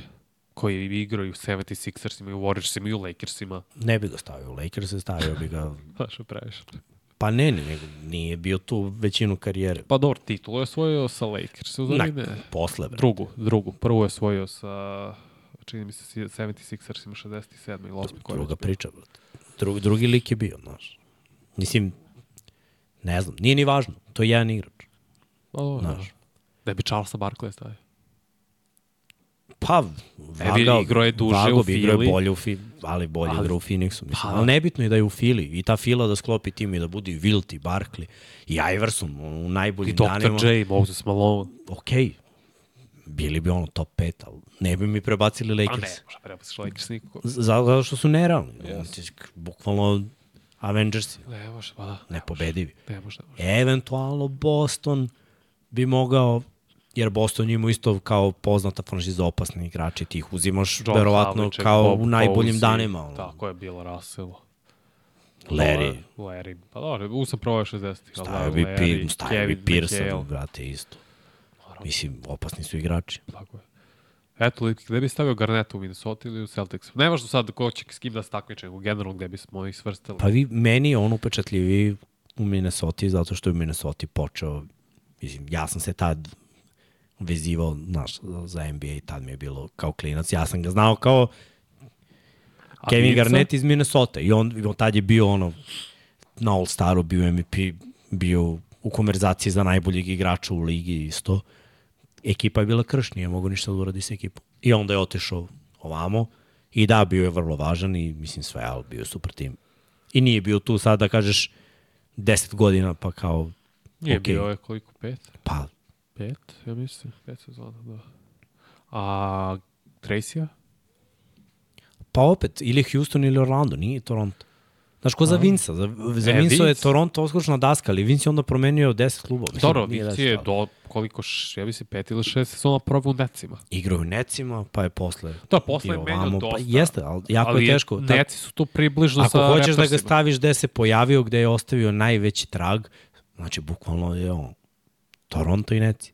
Ovo posle je bio tu, igrač koji je doprinosio, Paul George, Indiana, Kawhi. San Antonio. Uf. Kapiram te, ali za Clippers nije igrao u Toronto bio godinu dana. Mislim, da. ovamo je igrao, osvajaju, znaš, Chris Paul. Clippersi, A ne bi u je- Hornetsima.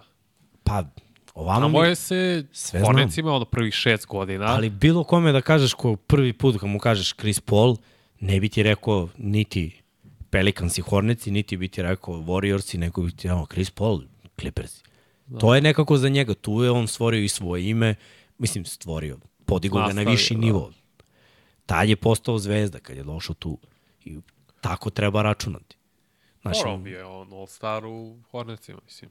znam, Tu je postao najbolji player. Znam, ali kome je bilo važno? Šta su radili oni? Ovamo je već bilo ono, wow, vidi njega, Griffin, Lob City, hype, sve, ime, playoff učešće, možda će oni da urade nešto, znaš, hiljadu stvari je bilo. Nije se desilo. Za, za, zato je jako, jako teško izabrati uvek prvi tim gde, gde si bio. Nego treba, ko Barkley, Barkley bio u Fili prvo, ali mislim, Tako. MVP je bio u Phoenixu. Pa da. I taj Phoenix je nekako, Došao u final na kraju kraja. znaš, ostavio veći trag tamo. Posle otišao u Houston. KG je individualno ostavio veliki trag i u Minnesota, veći od uh, Krisa Pola i veći, znaš, jer, jer je stvarno u Minnesota on je bio ono, tim, čovjek, jedan čovjek, jedan Da, da. tim. To je on bio u Minnesota. Onda je otišao ovamo, jeste, pamtit će ga ljudi kao da igrao u Celticsima, ali je napravio ozbiljne stvari. Pitanje je da je ovako i za NFL gde bi stavili Reggie White-a. Reggie White je kategorija za sebe. Reggie White je vanzemaljac koji igra američki futbol. Koji tim ih stavili? Hm? Koji tim? Filu. Green Bay? Izdominiraju Fili. U prvih 100 utakmica koliko ima se ko? Sećaš što smo danas, nisi što smo 100 puta videli ove Da, sezone. da, seća se. 110, Preko brate. 110, tako je. Ovi, svi ostali do dan danas u prvih 100 nisu mogli do 100. To je sek po tekmu. On je imao više od seka po tekmu. U prvih Da. 100. Gde je bio u prvih 100? U Fili. Ubica. Kelly. Ubica. I nastavio da dominira dalje. I mislim, kad ne možeš da osvojiš, naravno ćeš doći dalje. Mislim, ko KG. Nije mogao da osvoji u Minnesota, ideš dalje. Želiš da na kraju imaš prsten. Po cenu toga da ćeš da napustiš svoj tim i da probaš negde dalje. Naročito ono, u onoj jeri. Ako si toliki velikan, ako si toliko dobar igrač, mora imaš prsten. Peyton? Koji Peyton? Manning. Uh, Peyton Kolci. Uh, Kolci, da, zato što je Vanja Peyton dve sezone odigrao dobro u Denveru nakon povrede više. pod uh, veliki... Ne, ne, ne, ne. Odigrao je više, ali ne, vrhunske, ne, ne, mislim da je vrhunske dve. Više od dve. Ne? Cela ekipa, cela ekipa je bila karcata. Pritom Peyton ima taj veliki veo sumnje jer se vratio nakon strašne povrede gde mu čak nisu sproveli nikakva ispitivanja za, za zloupotrebu substancije jer su mu verovali na reč. Jesi uzeo? Nisam. Sve u redu. Pa, zato što Izađe si na šerif, teren. Za, sve je okej, okay, ali zato je meni Indianapolis. Jer smo ga tamo upoznali, jer smo ga tamo videli ko je, kakav je i gde je, jer je tamo bio u dva Superbola i osvojio jedan. To je I onda se povredio i vratio ovamo i igrao jako dobro prve dve godine, to mu priznajem, ali nakon toga igra krenula da pada, odbrana je postala mnogo, mnogo, mnogo bolja. Ali kad je bilo najvažnije, nije mi, znaš, samo u tom posljednjem, čak ni tad ne mogu kažem za Super Bowl da je isporučio. A nije. Ušao je sa Broncosima u Super Bowl, ponizili ga Seahawks. Igrao je protiv Baltimora na Mile High-u, izgubili su i tu Dobro, utakmicu. Pazi, tri godine te prve sa De Denverom je stvarno iskid. Tri. I onda ta poslednja godina je bilo... Kad su... Ali on nije isporučio. Vanja. Ne, On u dva play-offa nije isporučio. Ne, ne. Sa sve tom vrhunskom statistikom. Da, sam to... to Zato ti kažem, nije mi, nije mi to. Kad je igrao za kolci, isporučio je. On lično isporučio. Oni lično, kolci su eliminisani, New England otišli i, i pobedili u Super Bowl. Gde je on odigrao dobru partiju. E, to mi je vrlo važno. Jer na kraju oni su osvojili. Jer ćeš pamtiti to kao da, da je on izdominirao Kema Newtona najbolji napad u ligi da ne. ili je odbrana i Šimikala Karolinu znaš, drug, drugačije. On jeste nastavio svoju karijeru, odradio neke istorijske stvari i sve, ali sve mi je to ni- nije na nivou. Bravo. Mogu da kažem bravo, uspeo je. Charles Woodson? Njegova karijera je bila individualno vrhunska u Oaklandu. Nikad ne bi ništa osvojio da nije otišao u Green Bay. Naravno, a zato i teško. Pa da, uvek će ga pamtiti Oakland. Ali Green Bay će ga slaviti jer je bio MVP u Oba. Green Bayu. I dalje su JJ refleksi tu. Ovaj, to, je, to je teško tako, kad tako nešto odradiš. Da, da, kapero. I, Viš, defensivni igrač godine bio Bay. da, da, da. Što je jako teško raditi kao Nickelback. Da. Kao hibrid. Ti nisi ni cornerback, ni safety. Pa da, budeš- on je bio nešto između. Da. a radiš sve. Da. Pokrivaš, igraš man coverage, igraš zonu, sekuješ, ideš na pritisk, obaraš za gubitak yardi, playmaker, ubica. Matthew Stafford? Pa gledaj, Matthew je stavljen u... Osvojio je sa Remsima. Druga je priča. On je lično osvojio. Jer je on doprinao da ekipa odradi Tako to. On je imao 2000 yardi sa Cooper, Cooperom kapom. On, on je odradio mnoge stvari. u, u toj ekipi. U Detroitu on bio vrhunski igrač, ja ga pamtim iz dana iz Detroita, da nije Matthew, nema Megatrona, nema Megatrona, ono, znaš, oduzeli su mi heroja iz detinstva ako nema Megatrona. Druga je priča, to je jedna od redkih svetlih tačaka je bio Matthew Stafford. Znam da, to je teško. I sad smo se prebacili na NFL zbog pitanja, ali, Da, da, ali- ovi igrači su mi pali na pamet kao primjeri. Evo, pitaju Dion Sanders. Gde ćeš pamtiti njega? Tri ekipe. Cisco, Dallas Pa, možda. i Atlanta. Pa, Mislim da je Atlanta, počeo. Da. Jako teško. Takvi igrači, on je, na primjer, bio uspešan, osvojio s Cowboysima, osvojio sa 49ersima i Ali se proslavio na početku sa Atlantom. ma bio ubica svuda. bre. Pa znam. Za, za takve igrače je teško. teško. To u NBA nema toliko primjera. Znaš, nekoga ko ih ide malo ovamo, malo ovamo, malo onamo i osvaja Nema, svuda. sad, sad ih ima sve više više. Mislim, ne da osvaja, nego da idu tamo. Na nivou Diona. Pa Durant. A pa gde je on sve osvojio? Pa nije osvojio, kažem, Tome to ti je primer. Dobro, nije ovo je tvoje oslovaju u Atlanti. Samo u Atlanti. Okej. Koja je bila, mislim, bila i do dan danas jeste Krš, krš, ali... užas, ali jako loše vođena ekipa. Dobro, Durant je otišao u finale sa Thunderima, osvojio sa Respekt. Warriorsima, bio MVP sa Oklahoma. Posle igrao i dalje na visokom nivou. I dalje traži, i dalje traži to da ide dalje Da. da, osvaja, ali jako Dobro, je mislim, teško. kad pričao o igračkim kvalitetima, to mi je Tu propalo. su, tu su. Dion i KD. Ko još? Dobro, Ri, Rives Island, Darrell Rives ipak Jet. Da, da, nema dilema. Je- On je otišao samo, on ti je priča kao KG. Otišao da. vam uzme prst. Pa da. Za Hall of Fame, to mu je trebalo. Da ode da uzme prst. Pričao baš skoro Chad Johnson o tome da ta njegova godina 2009. možda i najbolja godina za cornerbacka ikada. Da je to stvarno bilo ne, ono, nesvatljivo što je čovjek radio. Ko još? Inače, kažu, hoće li biti sutra 99 yardi, bit će, bit će u 8. Biće. Klasika, pitaju za Rendija. Šta se njim? A, da, deće. Gde bi on bio? Pa, gledaj, Re- Randy, A, je, vidiš, to je baš težak slučaj. najbolja sezona ikada. Patriots. 2007. uh, otkrojenje Rendija Mossa, Minnesota. Apsolutno. I to je to, druge ekipe. Iako je bio u Superbowlu sa 49ersima, to ne ulazi u Evo ti konverzaciju. jednog. Terrell Owens. Uh, Terrell Owens ti je To je baš, mislim, Terrell da god da je išao, Malte imao 1000 yardi u sezoni. Malte ubio. je. Ali gledaj, T.O. je San Francisco. Nije ti fila. Nije. Jer je fila za, za Terela bila na plati i osvoji. Kao i Dallas. I nakon toga je krenuo decline. Ali u San Francisku je postao, pored Jerrya, oduzeo je Jerryu hvatača broj 1. Tu titulu. Najvećem svih vremena hvataču si je oduzeo to i naterao 49ers da ga pošalju u Oakland tada. Da, ono, Terrell Owens je bio najbolji hvatač 49ersa pored živog Jerrya Rice-a. Uh, mislim da ne shvataš ko- koliko, ne znam da li ljudi kontaju, to je kao da budeš prva opcija pored Jordana u ekipi. To je za jednog hvatača, za, za te, tu se Terrell dokazuje i pokazao. I ono, stvorio svoje ime. Stvorio u stvari alter ego. T.O. je postao T.O. tada. U, u San Francisco. Love me ono što je stiglo, ono što je stiglo u Filu posle, to je, znaš, to je već bilo, koliko je on bio u Fili? Dve godine. Samo? Ne, godinu i po dana. Godinu dana Super Bowl i šutnuli ga, jer nije uopšte... Samo toliko? Da, bre. Ja sam baš bio ubeđen. Jedna da sezona, jedna sezona, Super Bowl sezona, posle toga je krenulo prozivanje sa McNabom, nije trenirao, prosledili ga u Dallas. U Dallasu je bio duže, ali ništa nisu uradili. I onda je krenulo Billsi, Bengalsi, pa je bio kratko i Da, dve u godine u Fili. Tri, tri u Dallasu, pa Buffalo i Cincy. Da, da, veruj mi, znam brat. That's my guy. uh, Ti. Da li mislite da Remsi mogu izbaciti Lions? Ja iskreno mislim da mogu. Zato što da, da igra Laporta, mislim da je Laporta ono crvena zona meta koja je preko potrebna, ovako možda postoji, a i opet dobar je napad Remsa.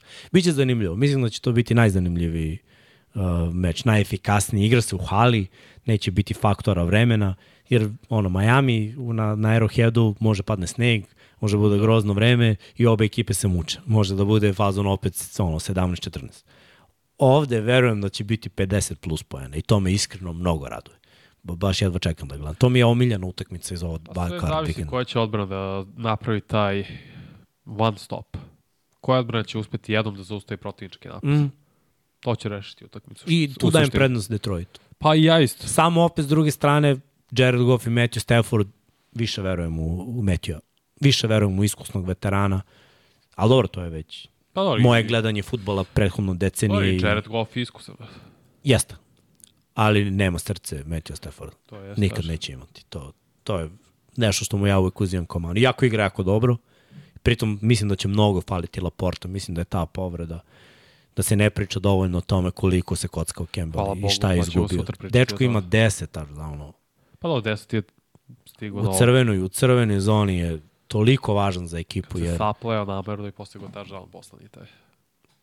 Mno, mnogo važno. Jeste. Mnogo važno za njih, da imaju taj play action. Mislim da će to izgubiti sada. I, i to može da bude onako. Taj jedan TD manje koji na kraju može da odluči. Ali opasni su igrači. Vlada, baci neke marabice. Da. Ma dobro, možemo, možemo ovaj da, da, da Hvala, i završavamo. Nacima. Evo ga već i jedan i vlada nam se ovde. Jel već jedan, ok, onda. Jedan je, ma da. Daj poslednje pitanje. Poslednje pitanje.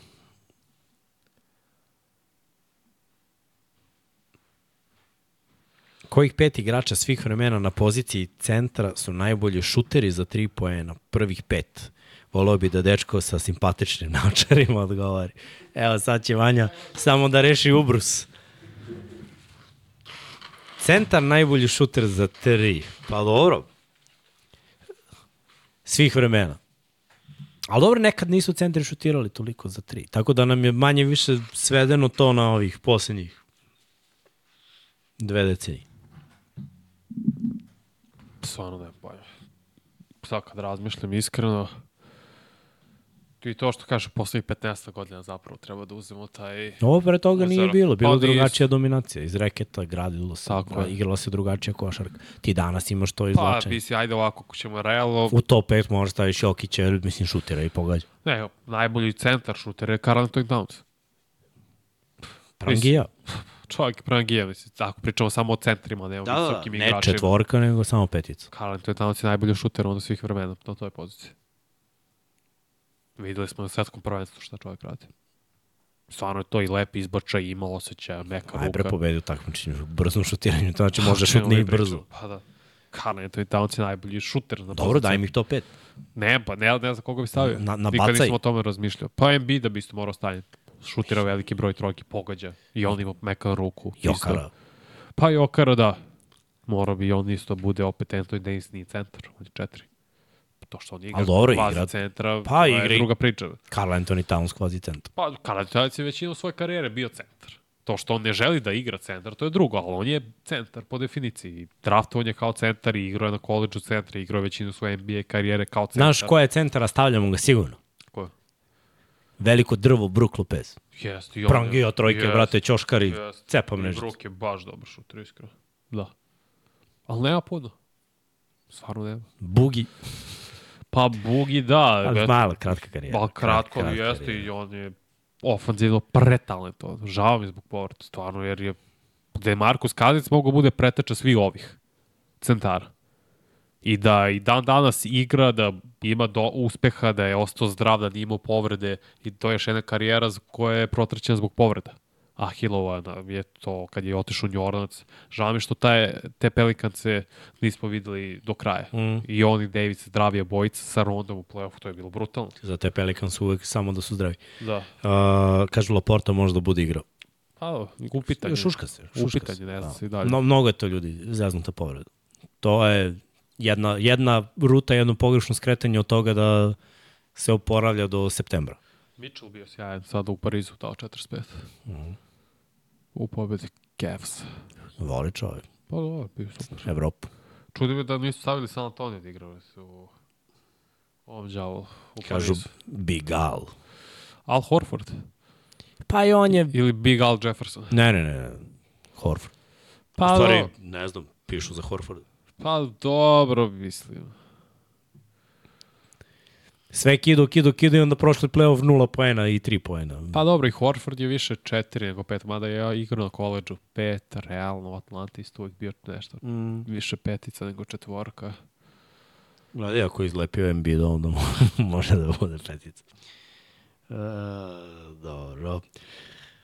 Lipke nam se zahvaljuje. Hvala tebi, brate. Hvala svima vama što ste ispratili i pošto su sitni sati, vreme je da se mi polako ali sigurno rastajemo. Vanja će mi prezupči ovde. Onda ne, Treba. dišem. Treba da bude tu, treba da bude tu i sutra, i čeka ga subota, čeka ga nedelja, čeka ga Da, ne ponedelja. znam šta radim, ti koliko utakmica. Evo sad je stigao raspored. E, Sad, da. da. sad ćeš da pogledaš pa ćeš Da. da vidiš. Sad ćemo da vidimo. A, sve u svemu, hvala što ste bili tu, hvala što ste ispratili. Još jednom čekirajte sve što radi ekipa, pogledajte shop, lajkujte, subscribeujte se ako niste, kapiram da, da vas mrzi da radite takve stvari i da mi smaramo što stalno to napomenjamo. Ali ono, vam je to jedan klik ako niste, a nama puno znači, isključite notifikacije, stavite ovu ekipu na silent i onda ako pratite jedan na jedan, znate kada gledate, ako pratite 99 yardi i to takođe znate, a mi opet uh, imamo nešto od toga kada pričamo sa sponsorima, kažemo opa, evo ga 46, 47, 50 hiljada subscribera i onda ljudi kažu, o, bravo momci, niste loši. Tako da, hvala vam, da, kao niste loši. Evo, evo neka kinta. Uh, hvala vam još jednom, to bi bilo to. Vlada će da pusti Patreone, ako imamo taj video, ima sve već spremno. Lepo spavite, budite mi dobri, Kovali NFL sutra 20 časova ovde, ekipa je da priča o play-offu, da spremimo sve i lepo uđemo u play-off jače nego ikad. A do tada, veliki pozdrav. Ćao.